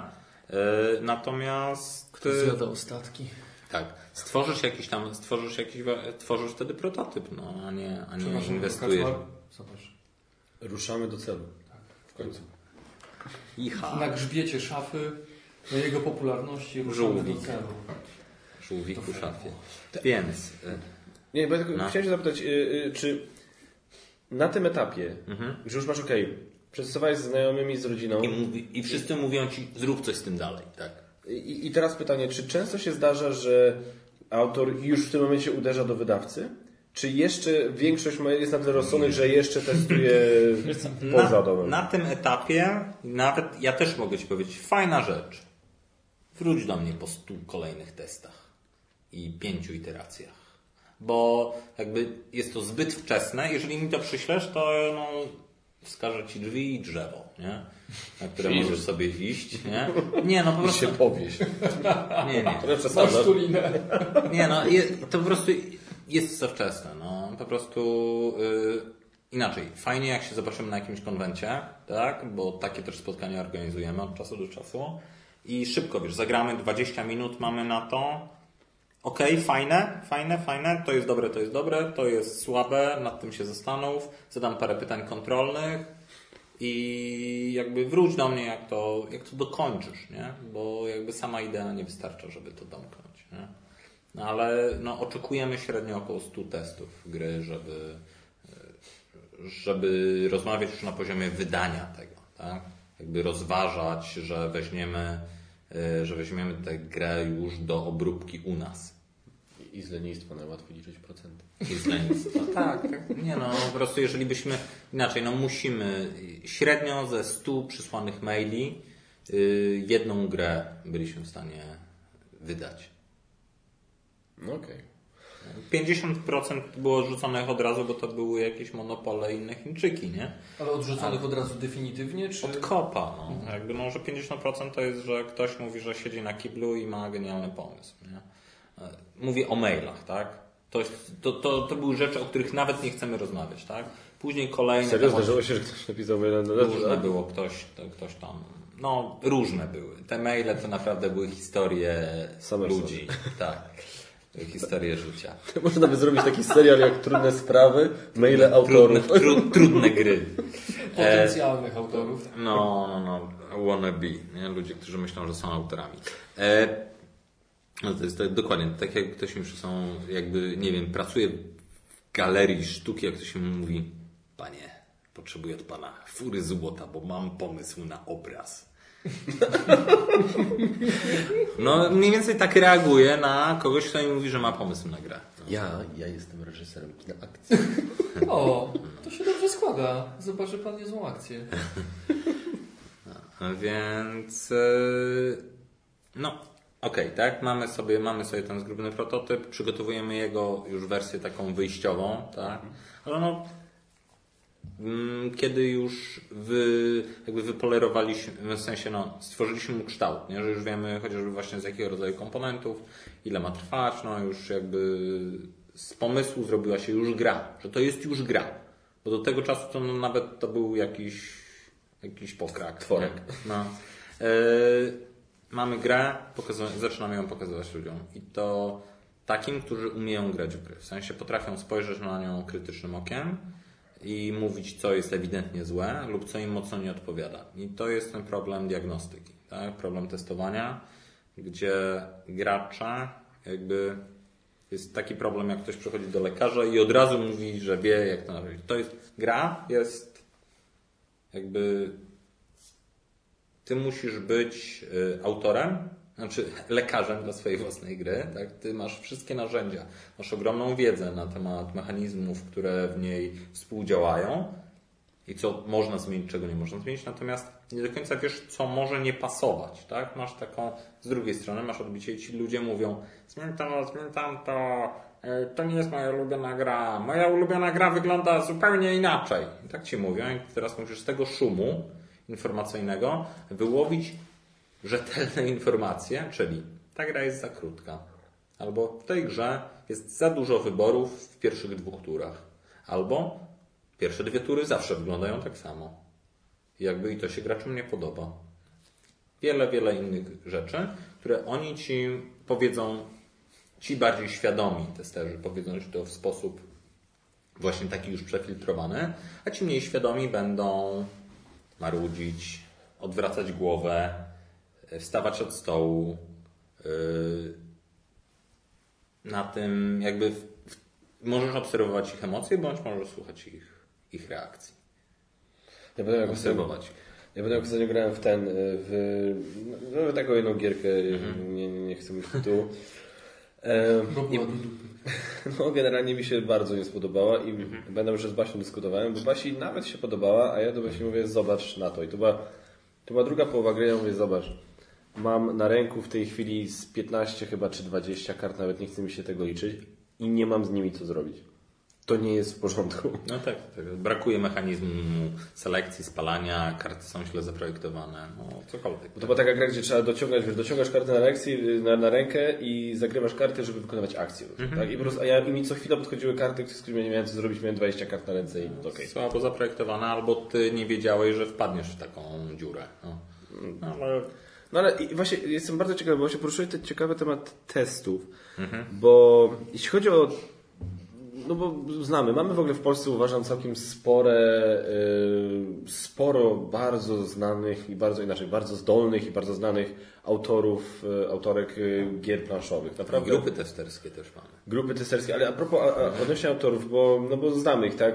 Spędzamy z nimi czas, rozmawiamy. I ja się chciałem Cię zapytać, bo ty, my często sobie rozmawiamy bardzo powierzchniowo o tworzeniu gier. No Ty siłą rzeczy musisz nieco bardziej się zagłębiać, jeśli chodzi o proces tworzenia gry. Jak byś powiedział, jeśli chodzi o takie różnice, wiesz, od autora do autora, jak bardzo się potrafią różnić, jeśli chodzi o, jeśli chodzi o podejście, czy to do tego pierwszego etapu, o którym wspomniałeś, tego robienia tego brzydkiego prototypu w domu na dywanie, do, czy właśnie do, jeśli chodzi o podejście do testerów? Oj, Te różnice, każdy ma swoją szkołę. To, co ja mówię, jest taką już moją syntezą ich wypowiedzi, jakby taką metodą, metodę hybrydową, którą, którą przekazuję dalej, czy przekazujemy na szkoleniach, ucząc się od siebie, wymieniając się tymi opiniami. Yy, Natomiast, no właśnie, jedni będą obserwować bardziej emocje, które powstają przy stole i pytać się, czy chcecie zagrać jeszcze raz coś, co jest jakby odpowiedzią ostateczną, tak? Czy w sensie, która jest bardziej, bardziej adekwatnym pytaniem do zadania, zarówno dorosłym, jak i dzieciom. Yy, czy, czy ta gra była fajna? Dzieci mają tendencję odpowiadania na pytanie, czy grać się podoba, to odpowiadają na pytanie tak naprawdę, czy mnie lubisz, nie?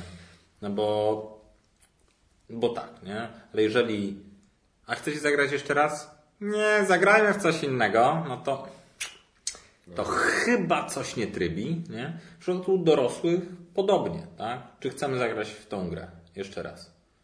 No, y, jakby, czy chcecie ewentualnie no, zagrać za dwa tygodnie również, nie? Kiedy ja poprawię jakieś błędy.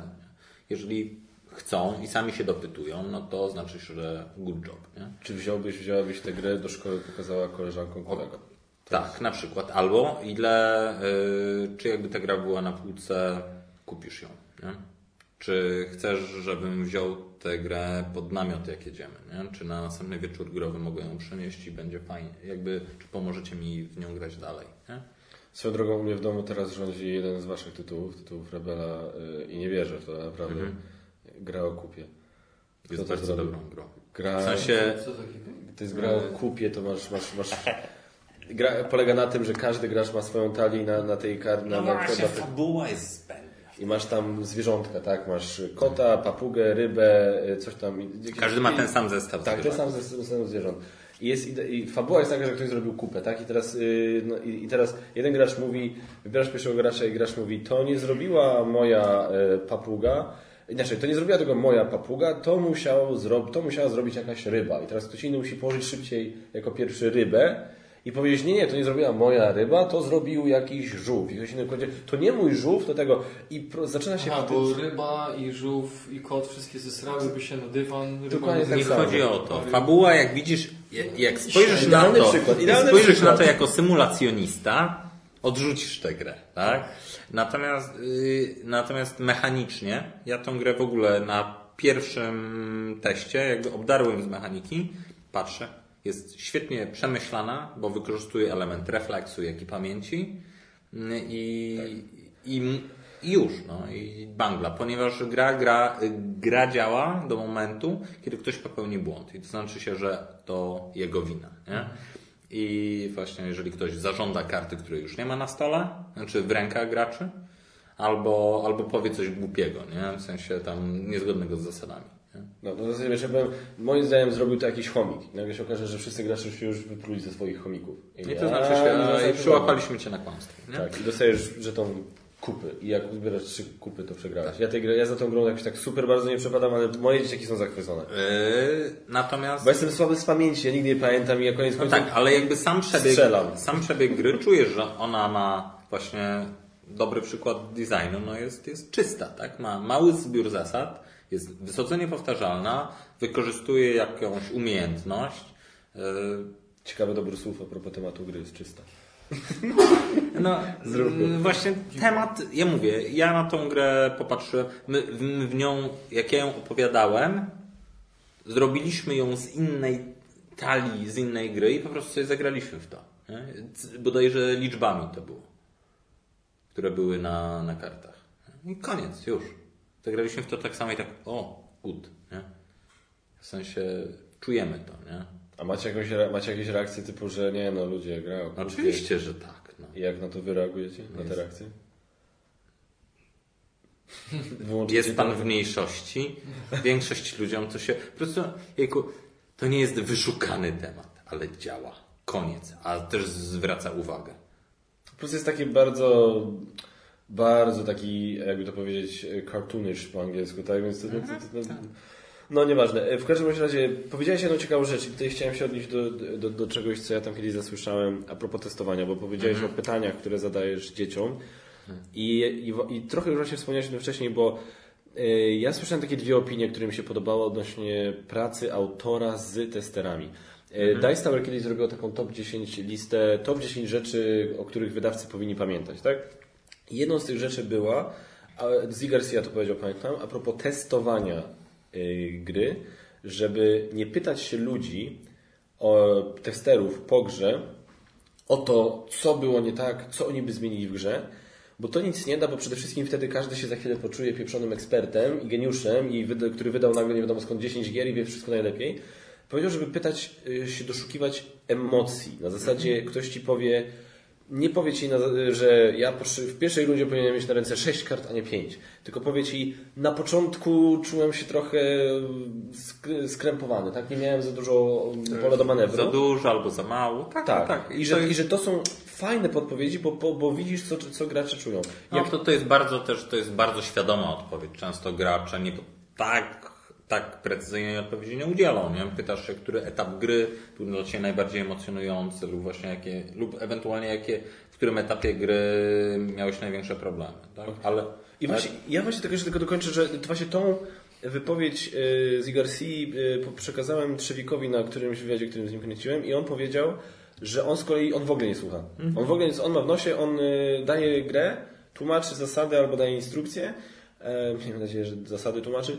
I wtedy ci gracze grają, a on sobie obserwuje tylko. I on tylko obserwuje tak. i tylko na bazie obserwacji wyciąga wnioski. On, teraz podobno testowali detektywa i oglądali, i on powiedział, że on się zamykał w biurze i oglądał filmy, e, mhm. z, jak grali w nowe scenariusze do detektywa. Nie? Tak, mhm. tak, to jest jakby na pewnym etapie, jak już masz dobrą własną metodę, możesz to zrobić. W sensie zakładam, że Ignacy wie, co mówi tutaj. Nie? To nie do każdego, nie każdy pewnie jest w stanie ogarnąć tak ten temat, yy, ale ogólnie metoda jest dobra, ponieważ dokładnie bada to, o czym mówiłem też wcześniej, że nieważna jest mechanika czy fabuła, ważny jest fan, który z tego płynie na koniec. Rzeczywista przyjemność skorzystania. Tak samo no, z filmami, tak?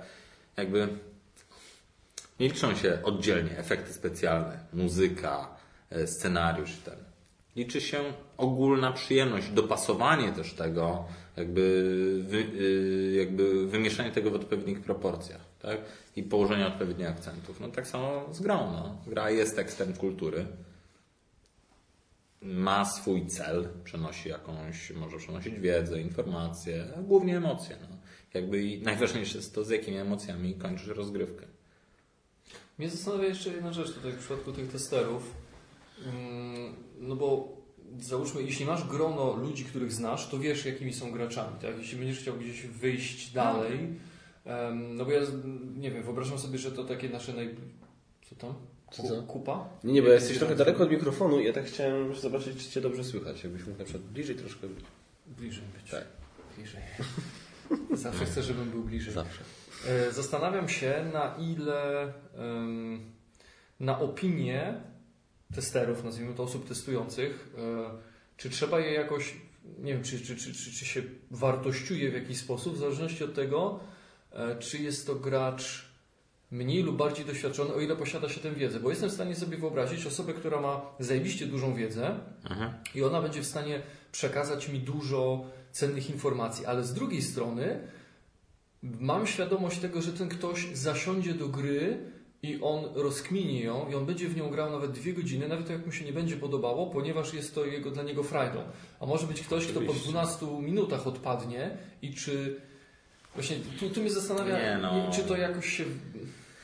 Rozumiesz, o co mi chodzi. Tak, tak, tak, no jejku, zmuszanie, nie wiem, właśnie miłośnika przygodówek do grania w jakiegoś strasznego suchara, jakby jego, jakby poziom przyjemności płynący z tego zawsze będzie y, y, mały, no, no bo po prostu to nie jest Tu bardziej się zastanawiałem nad osobą, która może nie ma jakiegoś takiego wybitnego profilu. Profilu, tak, tak że, że, jest na przykład super okay. eurowcem. Chodzi o doświadczenie. Tak, tak, chodzi mi o doświadczenie ogólne. Oczywiście, że osobę, która zna doskonale różne mechaniki, jakby czy lubi wygrywać, czy jest sobie skupiona na tych grach, w specyficzny sposób, wykorzystasz ją na różnym etapie testów. Nie? Możesz na początkowym etapie testów ta osoba pomoże Ci współwymyślać, tak? da Ci takie duże wskazówki. Na drugim etapie pozwolić to też jakoś wyprofilować. Natomiast na trzecim etapie, kiedy jest już takie polerowanie po prostu na błysk, yy, ma zastosowanie tylko i wyłącznie do tego,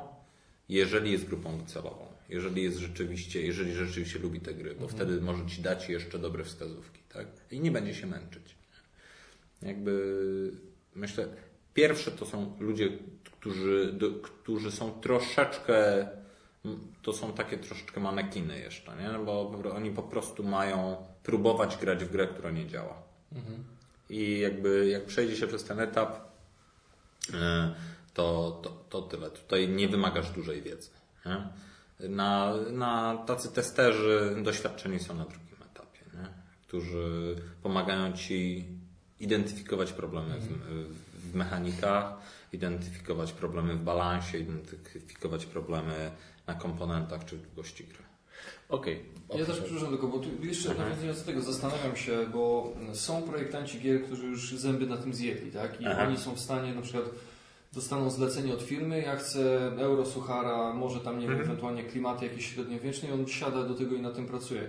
Jak są jacyś mniej doświadczeni, czy oni są w stanie założyć sobie, że trafiają do konkretnej niszy, czy czasami jest tak, że to wychodzi w trakcie, że na przykład wymyślają sobie, a to będzie gra dla wszystkich, No i na przykład prą w tę stronę i ponoszą porażkę, bo powinni się wyprofilować, albo w odwrotną stronę, że cisną w jedną stronę, a tak naprawdę to mogła być gra dla wszystkich. Myślę, że to jest największy problem właśnie e, niedoświadczonych wydawnictw i niedoświadczonych autorów. Że próbują zrobić grę dla kogoś, kiedy ona jest rzeczywiście dla kogoś innego, albo po prostu jest dla nikogo. Bo próbowała być zgniłym kompromisem dla wszystkich. To jest, myślę, że to tak też wyglądają gry z rynków, na których, na których gry planszowe się dopiero rozwijają. Są w takim średnim etapie rozwoju, już na etapie wzrostu. I po prostu ludzie chcą więcej gier i, i dość, no, jeszcze nie potrafią dobrze krytykować. U nas już to jest, już mamy bardzo wręcz krytyczne środowisko względu na zbyt dużo gier na rynku E, i no teraz ta, te opinie stają się coraz bardziej świadome. Taka analiza, co jest, co jest potrzebna e, w wydawnictwach jest i u doświadczonych autorów też się pojawia. Znaczy, no jest, no jeżeli łapie, znaczy to jest, to jest, to jest chyba najtrudniejsze. To jest naj, jakby to jest coś, co cały czas się uczymy, nie? Jakby myślę, że już jestem w tym dość dobry, ale jeszcze kawał czasu jakby przede mną, tak? Wciąż masz błędy poznawcze takie swoje, no jakieś swoje przekonania, przyzwyczajenia, stereotypy, czy jakieś błędy przeszłości, że nigdy więcej w grę o zombiakach. Czy o czymś, no. No to, to nie kaczmar, nie? Nie. Dawajcie mi wszystkie zombie. Zombie Są lepsze i gorsze. nie? Yy, więc... Nie, ja się raczej nigdy nie znudzę tematem, tak sobie myślę, że raczej nie wiem, czy ja się kiedykolwiek był w stanie naprawdę znudzić że tematem, że to jest kolejna, Jezu, kolejna gra z zombie, kolejna gra o wikingach. To jakby nie jest dla mnie w ogóle problem. Jeżeli to jest temat, który ogólnie lubię, to o ile gra będzie fajna, Pamiętasz wysyp gier o Marsie, nie? A ile przetrwało próbę czasu.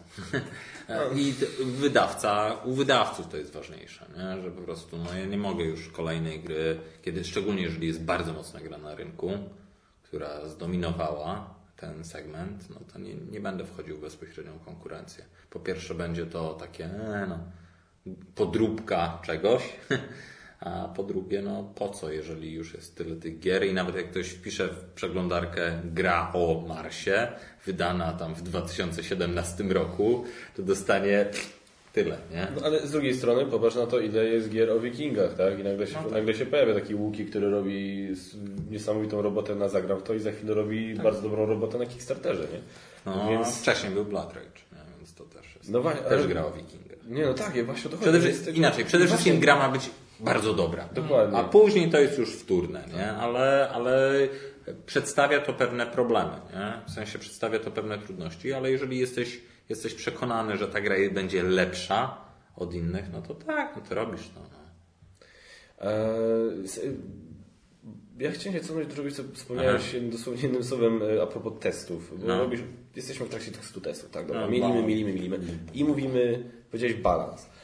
Ja zawsze się zastanawiałem, jak kiedykolwiek myślałem nad stworzeniem gry, e, to wyobrażałem sobie sytuację, gdzie masz na przykład, nie wiem, osadnicy narodziny, terraformacja Marsa w sumie, najlepszy przykład, bo masz tam pierdylion kart. I teraz te karty robią ci, ta karta daje ci tyle produkcji tego zasobu i dwie sztuki tego zasobu. Ta daje ci jedną sztukę, ale A daje ci więcej... kosztuje tyle. I kosztuje tyle. I teraz pytanie, czy ustawianie tego, żeby tych kart było ileś i żeby one miały sens, żeby nie była jedna karta, czy to jest Jak, to, jak, się, jak się do tego dochodzi? E, jak magot na festiwalu? O, czy... to jest super. To jest super. To są, to są dwie e, są dwie szkoły. Robocze o nazwę niemiecką i francuską. E, Francuzi się podają i nie robią. E, niemiecka to jest e, przeliczyć to i dać tych kart mało, żeby wszystkie się pojawiły w grze i, e, i rozkład między nimi był właśnie równy, elegancki. Nie? Tak samo też zrobiliśmy w domku, nie? że jakby, że wszystkie karty w czasie rozgrywki widzisz, w związku z tym przeliczenie ich dokładne ma sens. Okej. Tak? Yy, tak samo, no, jeżeli w karciankach kolekcjonerskich grasz, nie, to im mniejszą masz talię, tym ona jest zazwyczaj bardziej efektywna, bo te powiązania między tymi kartami są lepiej jakby eksplorowane. Druga metoda, nazwijmy ją właśnie francuską, roboczą, bo mi się po prostu tak skojarzyło z paroma grami, to jest to, jest to że, czy francusko-amerykańską, że dodajesz po prostu tych kart. Od, jakby, jeżeli coś jest niezbalansowane, to zamiast ujmować karty, dodajesz karty które pasują. Okej. Czasami dublety kart, które, w sensie kolejne wersje tych kart, które trzymają balans, nie? A te wyjątki, jako że dodają fabuły, są zupełnie akceptowalne. One się zdarzają po prostu coraz rzadziej i przez co coraz rzadziej wysypują grę. Oczywiście takie rzeczy krytyczne, o, wygraj grę, dobierz kartę, to, yy, to wywalasz, nie? Ale, ale nie przeszkadza ci, jakby, bo możesz osiągnąć y, możesz osiągnąć y, jakiś wynik oczekiwany poprzez właśnie przeliczenie i zmniejszenie ekstremów, tak? Albo dodanie wystarczająco dużo neutralnego materiału pośrodku. Też wtedy zmniejszasz y, wariancję i, i No tak. odchylenie od, od normy. Bo ja bym kiedyś chciał zobaczyć, jak to wygląda, bo zakładam, że tego jest wykorzystywane Microsoft Excel ja bym... Może być, ale może być tak, że jakby i, i właśnie do Excela by to wrzucił polski autor Adam Kwapiński. Nie? On najpierw ma model matematyczny, który, który sobie przeliczy dokładnie i tylko później pod względem jakby ewi- ewidentnych odchyłów przy grywalności na przykład właśnie zbyt droga karta dająca za późno wypłatę, ona musi być przesunięta troszeczkę bliżej, bo się okazuje, że no, na przykład musi być wzmocniona, żeby ludzie chcieli czekać na tą opóźnioną wypłatę. A, y, a znowu yy, Filip Miłuński, tak? No więc mamy dwóch uznanych autorów, tak? Ma odwrotną metodę, że on najpierw wymyśli fajny zestaw kart, który z grubsza się zgadza, nada im wartości liczbowe do jakichś zagrań fabularnych i po iluś rozgrywkach zobaczy, kurde, tą kartę trzeba zmienić, albo wywalić, albo coś dodać, albo to kombo nie działa. Nie? I jakby obaj będą mniej więcej tak samo długo testowali i dojdą do mniej więcej takiego samego wyniku. Po prostu bardziej się czują, bardziej komfortowo się czują z jedną lub drugą metodą. To też jest to, co z początku było. Nie? Czy co, co powstaje najpierw, fabuła czy mechanika? Jak wolisz. Ja, to, ja, ja właśnie po prostu musiał kiedyś zobaczyć, jak to konkretnie wygląda, w sensie, wiesz, jakie są Polecam. w Excelu i tak dalej. Polecam. Ale z Adamem dobrze żyjemy, nie z Filipem Miłuskim, nie żebyśmy nie dobrze żyli, ale e, chętnie może Znaczy, kiedyś oczywiście go oni- żeby mi pokazał, jak to tam robi. Oczywiście oni to przedstawiają w inny sposób. Ja to też troszeczkę upraszczam, czy tam jakby takie stere, stereotypy już nam powstały po ich wykładach, które oni nam dawali. Zaprosimy ich na weryfikację. Tak? Yy, ale no taka jest. Yy, to są przypuśćmy takie dwa powiedzmy pomysły, jak, jak do tematu podejść. No, każdy ma swój inny. Nie? Okej, no to jestem autorem, fajnie zrobiłem te 100 testów, te 100 Zrobiłeś testów. testów, tak. i Czyli liczyłem. najpierw, najpierw zrobiłeś grę, w sensie, która jakoś tam działa, później, później wymyśliłeś i jakby wyrzuciłeś z niej niechciane elementy, później ją e, jakby wypolerowałeś i wydaje ci się, że już lepiej być nie może. Jak ktoś mówi, że już ma grę zrobioną na 90%, no to jak, jak to, to ja tak czuję, o no to dwa lata i jesteśmy w domu, nie? E, pakujesz to do pudełka. A, jeszcze instrukcję tworzysz. No, to jest też, nie? Że najpierw, najpierw robisz skrócony skrypt, później jakby go dopracowujesz jednym z tych etapów jeszcze testowania finalnego jest to, że już piszesz instrukcję i robisz blind testa na niej. Nie? Że ty siedzisz i się nie odzywasz. Jedynie na drugim egzemplarzu instrukcji robisz notatki w czasie, kiedy ludzie próbują to odcyfrować. To też jest, to też jest ciężka robota, bo też musisz trafić na ludzi, w sensie do nowych grup wychodzić. Po to się na przykład jeździ na konwenty, do innych miast czy do innych grup testerskich, bo wtedy możesz, e, no bo już często wyeksploatowałeś te zasady wokół domu i musisz, już musisz iść. Jesteś spalony w promieniu 50 km. Tak. No i jakby, czy, czy, na, czy wysyłasz to na przykład do recenzentów i możesz obserwować, jak oni to nagrywają, albo dajesz właśnie dajesz zestaw print and play, puszczasz go w Brookhaven Geeka, na przykład ludzie go ciągają, ale ty z prośbą, żeby ci wysłali listę pytań albo nagrali swoją sesję. Awaken Realms to robi regularnie podczas Kickstartera. Tak, tak. Awakeni dają to, żeby, żeby tak. tro, trochę wyczyścić tam zasady. To jakby to jest no, crowdsourcing wtedy informacyjny, nie? No. Ale no to to też nie jest jakby, to, to nie załatwia sprawy, nie? Jakby dalej ta instrukcja wymaga poprawek. No, to też widać, ile jest tam zapytań, nie? Aktualnie. Ja mam tego pytania, bo hmm. w styczniu na Portalkonie przeprowadzałem wywiad z Trzewikiem i on powiedział coś, co powiem szczerze, tak do mnie później dotarło, że tak to dosyć ciekawie zabrzmiało, co on powiedział. I, i, i tak miałem do siebie wyrzut, że jakoś bardziej nie docisnąłem tego tematu wtedy na miejscu. I, e, bo Rozmawialiśmy wtedy o słynnym przypadku pierwszych Marsjan, gdzie powstała instrukcja, do której potem powstał 60-stronicowy almanach, bo nikt nie był w stanie zrozumieć tej instrukcji.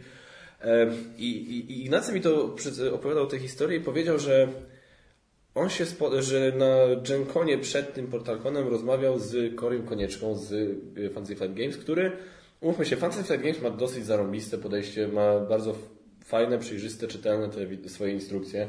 Zwłaszcza, że mają to swoje podejście z zasady wprowadzającej księga gry, czy księga zasad, jak to tam się tam nazywa. I on się go zapytał, jak wy to robicie, że macie takie fajne, jak wy to robicie, że macie takie fajne. I Kory powiedział, że słuchaj, że my testujemy tę grę, testujemy instrukcje, bo testy gry to jest jedna rzecz, testy instrukcji to jest druga rzecz. I oni do testów instrukcji podchodzą zupełnie osobno, na zasadzie nawet nie takiej, żeby dać instrukcję komuś, kto nie grał wcześniej, tylko w ogóle dać instrukcję komuś, kto nie zna wydawcy tego konkretnego za bardzo, bo ktoś, kto zna dobrze gry Trzewika, to zwłaszcza na przykład, wiesz, w przypadku pierwszych Marsjan, ktoś, kto grał w Robinsona, to nawet z instrukcją kulejącą coś tam ogarnie, nie? No rozumiem. A... No, czy 51 stan. I, I osadnicy, nie? Dokładnie, na tej zasadzie. I ktoś, kto w ogóle nie zna stylu autora, stylu wydawcy i tak dalej, żeby on zrzucił okiem na instrukcję, czy to ma sens. Ja powiem szczerze, tak to brzmi tak trochę jako takie oczywiste chyba, że to się powinno robić. Czy nie? Czy to jest faktycznie jakaś taka tajemna wiedza, którą Cory sprzedał? Nie wiem. E, jeżeli masz takie zasoby jak FFG, to pewnie możesz to zrobić. Okej. Okay. Ale jakby wymaga to czasu, czyli pieniędzy i ludzi, czyli pieniędzy. I no tak. No. Chłodne spojrzenie na rzeczywistość. Jest, jest to po prostu inaczej. Tak, jest to sytuacja idealna ale nie jeżeli Zawsze działasz pod presją targów, które się zbliżają, pod presją tego, że na przykład podpisałeś umowę z autorem i jakby masz ograniczony czas na wypuszczenie jej na rynek, bo prawa wrócą do niego. Jeżeli masz już inwestorów, którzy czekają na jakieś pieniądze, jeżeli premierę ogłosiłeś i dział hurtowy już zrobił przedsprzedaż i cisną cię, gdzie jest mój produkt, jeżeli masz, e, jeżeli ogłosiłeś grę na Kickstarterze z wysyłką i właśnie ten deadline ci mija, jest wiele powodów. To żaden problem akurat dla większości wydawców. No, no i jest, jest w pewnym momencie, dobra, no puszczamy jak jest. A to jest, wiesz, a to jest taka stara zasada, e, jak kiedyś kręciłem filmy niezależne z moim kumplem Konradem, kręciliśmy dwa raptem i on właśnie wtedy żeśmy rozmawiali o, o, o scenariuszu, o tam dalej, bo to wszystko było po naszej stronie, wszystko sami robiliśmy. I tam właśnie w rozmowach padło takie zdanie, że Konrad kogoś zacytował, teraz nie, nie, nie przypomnę sobie kogo, że nie ma czegoś takiego jak film e, skończony, jest film porzucony. W sensie i to pasuje moim zdaniem do wielu dziedzin, do wielu, że nie ma czegoś takiego jak projekt zakończony, Nie są, nie Jest, ma... jest porzucone, że już nie masz po prostu, no nie masz, no musisz już go, już musisz go skończyć, tak? W sensie... No tak, tak, tak, tak. I, I to jest moim zdaniem bardzo fajne, bo to daje do, że zawsze możesz coś. Ja, ja podejrzewam, że jakbyśmy dali Adamowi e, rok, Adamowi Kwapińskiemu, to byśmy mieli jeszcze Nemezisa, jeszcze jakoś coś tam by sobie porobił. Z jednej strony tak, z drugiej strony autorzy już jakby oni wierzą, że są jakby na pewnym etapie, jak już do ciebie przyjdą z jakimś swoim tym, to oni wierzą, że to jest w miarę skończone. Nie? Natomiast na pewno się pojawia już wtedy tarcie, jak są dwie siły. Nie? Właśnie deweloper, ten projektant y, po stronie wydawnictwa i autor po stronie jakby swojego dzieła. Nie? To, to wtedy mamy jakąś przepychankę. No, a jeszcze do tego to jest tak, nie ma ludzi zdrowych, są tylko źle zdiagnozowani. Tak? Dobre. E, mi się ten e, zgubiłem. A, a propos tego właśnie ogłaszania premiery. Czy wy, tak też trochę lekka dygresja, czy wy e, ogłosiliście tą zonę na tym SN właśnie, żeby już sobie dać, dobra, jak już ogłosimy tak oficjalnie, to już będziemy musieli wydać w końcu. Trochę tak. Trochę takie hura optymizm. No jak nie wtedy, to kiedy? Ale też no, my też ogłaszaliśmy przecież Nemezisa jeszcze pod Rebelem, czysto bez Awakenów, też jakiś kawałek czasu temu. Tak. No więc... E, Ta zona się pojawi w końcu. e, Zona myślę, że... Znaczy z Zoną jest o tyle dobrze, że już mamy bardzo dużo rzeczy skończonych, tak? I rzeczywiście wchodzimy tam w ostatni etap jakby. No jest skończona mechanicznie, ma skończoną ilustrację, robimy teraz interfejs, e, dużo redakcji przed nami, ale to jest wszystko wykonalne, tak? Pierwsze komponenty idą do produkcji, ale chyba Co to uciekliśmy. jest Rambo? Czyli parafrazując, a co to jest zona? Bo E, nie wiem, czy A. wspominałem, że gra, o której Ci na pewno mówiłem, czyli Strefa Emisji Rebela, No, oni to- zmienili nazwę na Zonę. Tak, tak. Aha. Żeby ludziom, od, wiesz, żeby ludzie nie dopytywali się ciągle o strefę emisji, nie? Nie, jakby została Długo wymyślona. zmienimy na co innego. Tak? Nie, no myśl, myślę, że już jesteśmy. Naukowcy jest Prypeć swoją drogą. Myślę, że już jesteśmy. Czy, bo ja już widziałem różne artystyczne Artystyczna. tak, wizje Prypeci, Znaczy, Czarnobyla w różnych filmach i to się nie miało Znaczy nijak. to było, wiesz, to było, to było diabelski młyn ten wielki, ja po prostu, ja, ja nawet myślałem, że, że ponieważ gra jest stąd, tak się założyłem, że to jest może być, wiesz, jakaś taka postapokaliptyczna wersja Danzig, ale, ale Nie, nie, nie, nie. nie. Ra, raczej, nie, nie. Jest, Czarnobyl jest wspomniany w paru miejscach. Eee, może z dobra. Gdańska to przetestuję. Dobrze, gdzieś- prototyp. Nie, to, to, to tylko musowe. Co, y, jakby mamy ten zamknięty prototyp tutaj w ogóle po sąsiedzku w Alkorze, e, jak go pierwszy raz grałem. Która tam? E, ale mamy ten zamknięty ten prototyp od autorski i teraz tworzymy pierwszy, pierwszy prototyp nasz. Okej. Więc y, już jakby już z naszymi propozycjami layoutu, już na naszych rozmiarach komponentów, które, które już wstępnie uzgodniliśmy z fabryką, tego typu rzeczy. Okej, to słuchaj, to jesteśmy po prostu jest, bo tu, tu, tutaj właśnie już trochę opowiadam o procesach już troszeczkę właśnie późniejszych. Bo się no. właśnie chciałem zapytać, bo mamy, jesteśmy po prostu testach, po testach instrukcji, gra Mhm. w pudełku poszła do wydawcy i to chyba już będzie Czy temat... poszła do wydawcy? Wydawca najpierw, teraz tak, inaczej, musisz mieć jakiś kontakt do tego wydawcy i musisz wiedzieć, do kogo tą grę wysyłasz. Hmm. To śmieszne jest, e, to Filip Miłoński w, swoim, w jednym ze swoich wykładów, gra to nie jest kolor czarny, nie, każdego, nie każdemu w nim do twarzy. Nie? Jakby są wydawnictwa, do których dana gra pasuje lub nie. No tak. I jakby w dobrym tonie jest wysłać tę grę najpierw, zrobić sobie taką listę marzeń nie? Do, do, do wydawnictw, do których masz dostęp, kontakt lub ktoś ci może poradzić. No i najpierw jakby gadać z jednym, tak? Z te, jakby próbować przekonać, po pierwsze masz największą szansę na dopasowanie się, no ale jakby możesz sobie wyobrazić, że ta gra, nie wiem, pasuje dla Lacerty, albo pasuje dla Black Monka, albo pasuje do Rebela. Tak? Z jakiegoś powodu, tak? bo wypełnia im dziurę w katalogu, albo doskonale pasuje do danej linii wydawniczej. Tak? Z inną grą właśnie pójdziesz do Lacerty, a z inną do Granny na przykład. Tak? Czy do Trefla. Ja tylko się pochwalę, że miałem szansę się pobawić przez sekundę w coś takiego, bo szef wydawnictwa tego Grimlord Games od Village Attacks zapytał się mnie, do jakich wydawnictw bym mu polecił, żeby się w Polsce odezwał. No i sam kombinowałem, tak, no do Was chyba nie podałem, no bo ta gra to do Rebela moim zdaniem ni, ni hu, hu. Ale tam parę właśnie wydawców pytałem na zasadzie, gdzie wyobrażam, Games Factory po jednym, gdzie, gdzie tam wiesz, gdzie tam moim zdaniem ta gra by pasowała. No, Nie, no z tego to wyszło to nie wiem, ale na tle na pewno. na bank. My cały czas jakby takie rozmowy sobie prowadzimy z handlowcami właśnie, czy agentami innych firm, gdzie no, znamy się od lat, tak, handlujemy. Ja mówię, no nie, no Rebel tego nie weźmie, ale, ale na przykład mogę Ci zarekomendować takie, takie wydawnictwo, bo to myślę, że do nich pasuje. No, wszystkie gry tam z mackami, ktulakami, no zwyczajowo podsyłałem do Black Monków na przykład, tak, bo po prostu dla nas to nie jest super wartość, dla nich może fajniej pasować. No to ciekawe, bo przez całą, przez całą, ciekawe, że przez całą linię, wiesz, Eldritch, Arkham i tak dalej bym powiedział, że Galacta, jeśli chodzi o macki, ale No tak, ale chodziło raczej komiksowe macki. Nie? to E, ale Któryś światów. E, z tym, z, e, Nie zaczynaj znowu już. Znaczy, tak samo jak ja mam, dostaję jakiś prototyp, bo no, Rebel jest uznawany jako największy, tak? Że, że jeżeli my do, podpiszemy kontrakt, to prawdopodobnie wydamy najwięcej tego na rynku, ale czasami jest to od razu skolejkowane. Jak, jak Rebel odmówi, wyślij to do Foxalu. nie? Bo są kolejni, jakby, bo ktoś już ma ustawioną kolejkę, albo ja mówię, odrzucam, ale jeżeli, ale jeżeli nie chcesz, znaczy, jeżeli, jeżeli masz jakąś ofertę z zapytanie z Polski, ja to prześlę od razu. Nie będziesz musiał ze Stanów wysyłać kolejnego egzemplarza. Jakby mi to nie przeszkadza, nie? Mogę to posłać od razu do kogoś, do innej firmy. O, To jest, jakby, jest to jest to konkurencyjne środowisko, no ale nie robimy sobie jakiejś siary. To nie ma, to nie ma, to nie ma sensu. No. Opóźnić komuś wydanie, no nie tak wygląda zdrowa konkurencja. No. Przy okazji, no, jest, to, jest to jakieś wzajemne, tak, że sobie nie robimy. Jeżeli ja na zasadzie dżentelmeńskiej umowy zrobiłem rezerwację jakiejś gry, to yy, w sensie jest to obustronne. Jest, jest to obustronna, uczciwa jakby umowa, którą honoruję w tym momencie, nie wiem, czy Wojtek Żadek, czy Tomek Gałkowski. Jakby wiemy jak jest, nie? Już. Jakby so- sobie nie wchodzimy w drogę tam, gdzie zostało to uzgodnione. A jak nowi gracze się w tym odnajdują?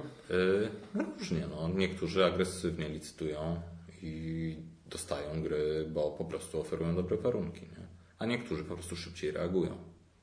Jakby my, my bardzo często zdarza się, że rebel jest yy, jakby za wolno reagujemy, zdarza się.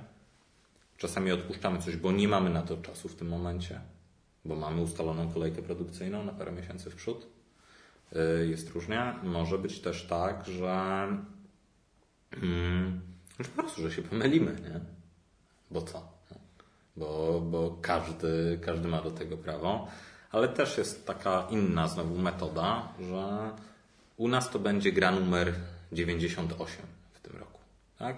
A jeżeli mniejsze wydawnictwo, które ma zasoby, nie jest, y, ale właśnie nie jest duże, ale ma pokrycie rynkowe, jakby ma jakieś dobre tytuły już, y, to może po prostu to wie, że to będzie ich produkt flagowy na dany rok. Że zrobi do tego duże stoisko, że zrobi do tego specjalną promocję, e, zrobi mega wersję i to czasami do niektórych gier jest to ważniejsze niż, niż potencjał taki supermarketowy. To jest jakby sami takie decyzje podejmujemy. Nie, zawsze największy oznacza najlepszy, no ale. No dobrze. Yy, Benz, gdzie jesteśmy? Słuchaj, myślę, że, e, bo teraz drugi, drugi odcinek będzie o właśnie tej już, jak gra jest u wydawcy i co tam się z nią No, dzieje. z panem deweloperem. Ile mamy czasu? Ile mamy czasu? E, Już myślę, że akurat rozmawiamy tyle, że to jest myślę nawet nie najgorszy moment, żeby zakończyć. Chyba, że jeszcze chcesz coś Nie, nie, nie, nie, nie, to, to ja mogę jakby, wiesz co, no ja właśnie na tej stronie deweloperskiej, że jakby, że jak autor tam najpierw się mnie pyta, no to ja, ja najpierw odpisuję, że w sensie gra musi być w jakiś sposób unikalna, nowatorska, tak? Później muszę, musi mieć rzeczywiście kompletne komponenty, tak? Najpierw jest takie zapytanie e, bardzo ogólne, później pytam się o instrukcje, wideo, zasady najczęściej i jakieś zdjęcie komponentów, że ten prototyp rzeczywiście powstał. Później pytam o drobne zmiany i się dopytuję, w sensie dogrywamy się, jak ta osoba reaguje na krytykę, czy potrafi obronić swoje racje, czy się nie obrazi przypadkiem na mnie, jak szybko wprowadza y, zapowiedziane zmiany i dopiero wtedy prototyp jest przysłany. Masz jakieś takie triki, że tak... No mam, mam, mam. No, zmień coś, nie? Albo w sensie zadaję pytania, które jeżeli ktoś rzeczywiście to długo projektował, albo widzę, nie, że jest to wynik jakiegoś zgniłego kompromisu, e, to zadaję pytania i jeżeli ta osoba mi powie, że to zostało rzetelnie przetestowane, no to ja tej osobie ufam, w sensie poda argumenty, a jeżeli się obrazi, no to ja nie chcę z tą osobą pracować nad tym projektem przez kolejne dwa lata, prawda? W sensie, jeżeli ktoś jest wybuchowy, agresywny. Nie? No, ja znam niestety przypadek właśnie, gdzie bardzo potencjalnie fajna gra od fajnego wydawcy, od fajnego autora mogła, do, miała dojść do skutku, ale nie doszła niestety, bo właśnie się wydawcy z autorem nie mogli. Zdarza się. To Zdarza jest- się. Są, no. jakby są, są, też, jakby są też autorzy, którzy, y, ja znam z nowych historii, że autor miał kontrakt, albo przynajmniej to było takie dogadane, nie? że było jeszcze przed kontraktem, ale wydawca wykonał tę pracę deweloperską po swojej stronie, projektową, wyceny, kom, optymalizacja komponentów, kosztów, wiele rzeczy, nie? o których będziemy mówić dalej. I ten autor, dobra, no, jednak wydam to sam. I takie, ups, no, to było, było bardzo nieprzyjemne. To się tam odbiło brzydkim bąkiem. Parę firm o tym rozmawiało, że z tym kolesiem nie współpracujmy.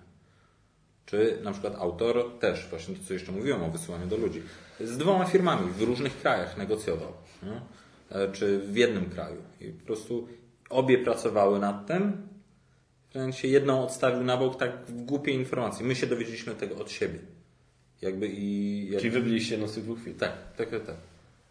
I po prostu było takie serio.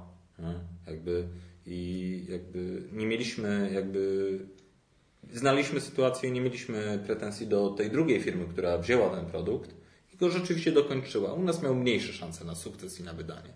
E, Ale to takie rzeczy się mówi. Gra się w otwarte karty. Nie? Że na przykład macie czas, ponieważ inna firma już nie chce złożyć ofertę. No ale tak. Dobra. Skoro koniec czasu, to chciałbym coś powiedzieć.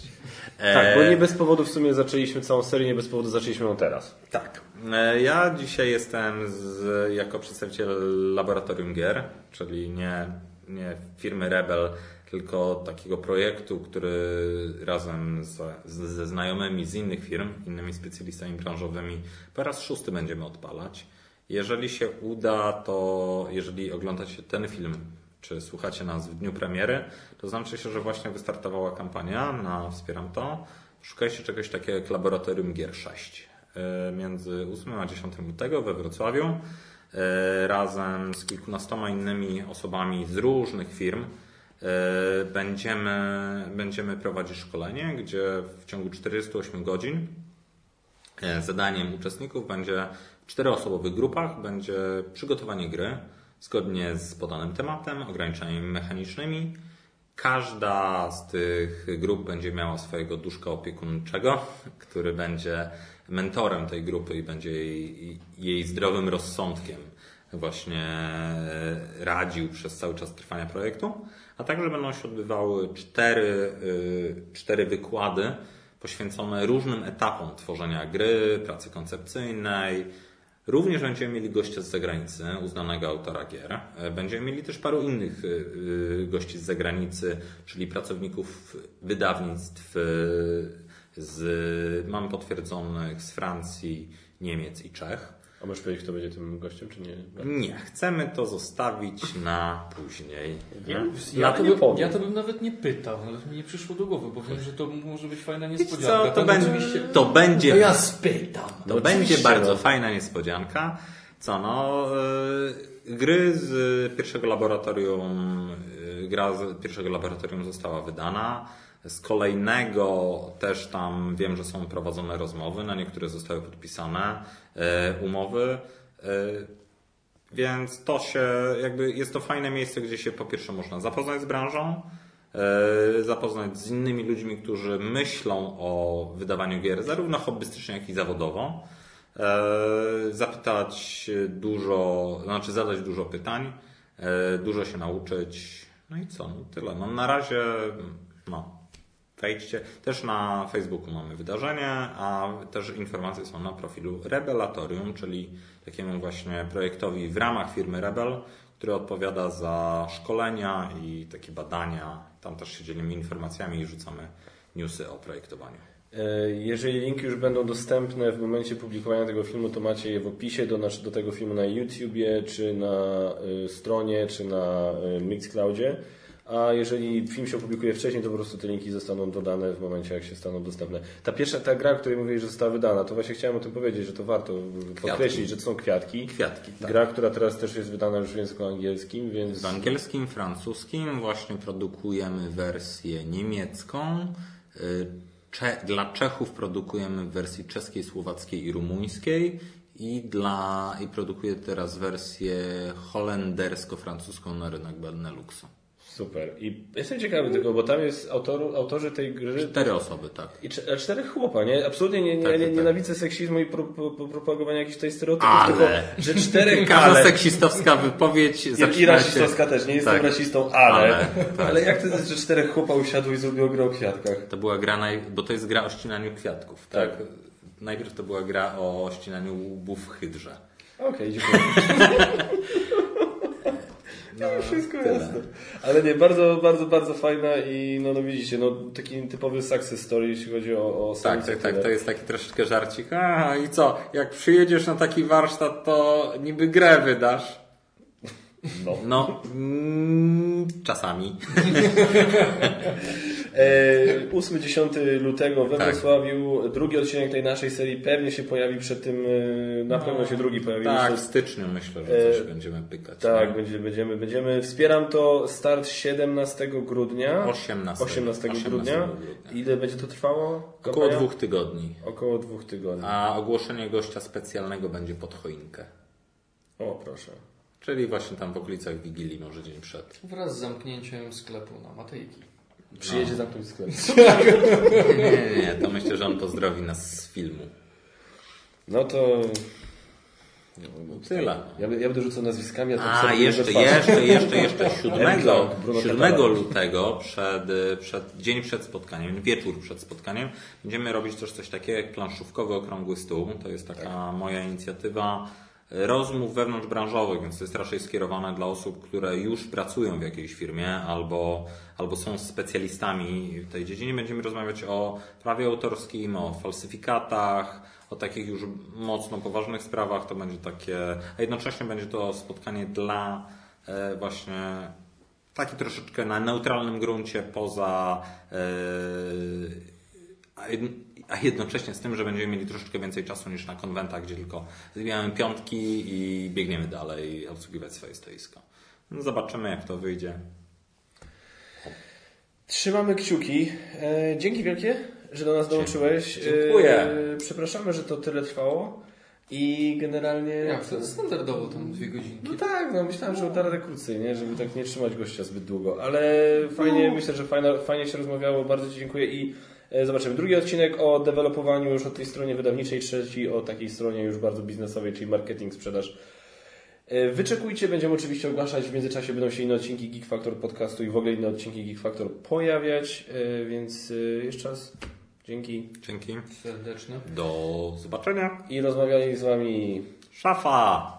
Maga. I Kaczmar, dzięki bardzo i pamiętajcie, o, żeby do, że zapraszamy Was do subskrybowania, komentowania, lajkowania, ale przede wszystkim Do oglądania i do gier wydawania.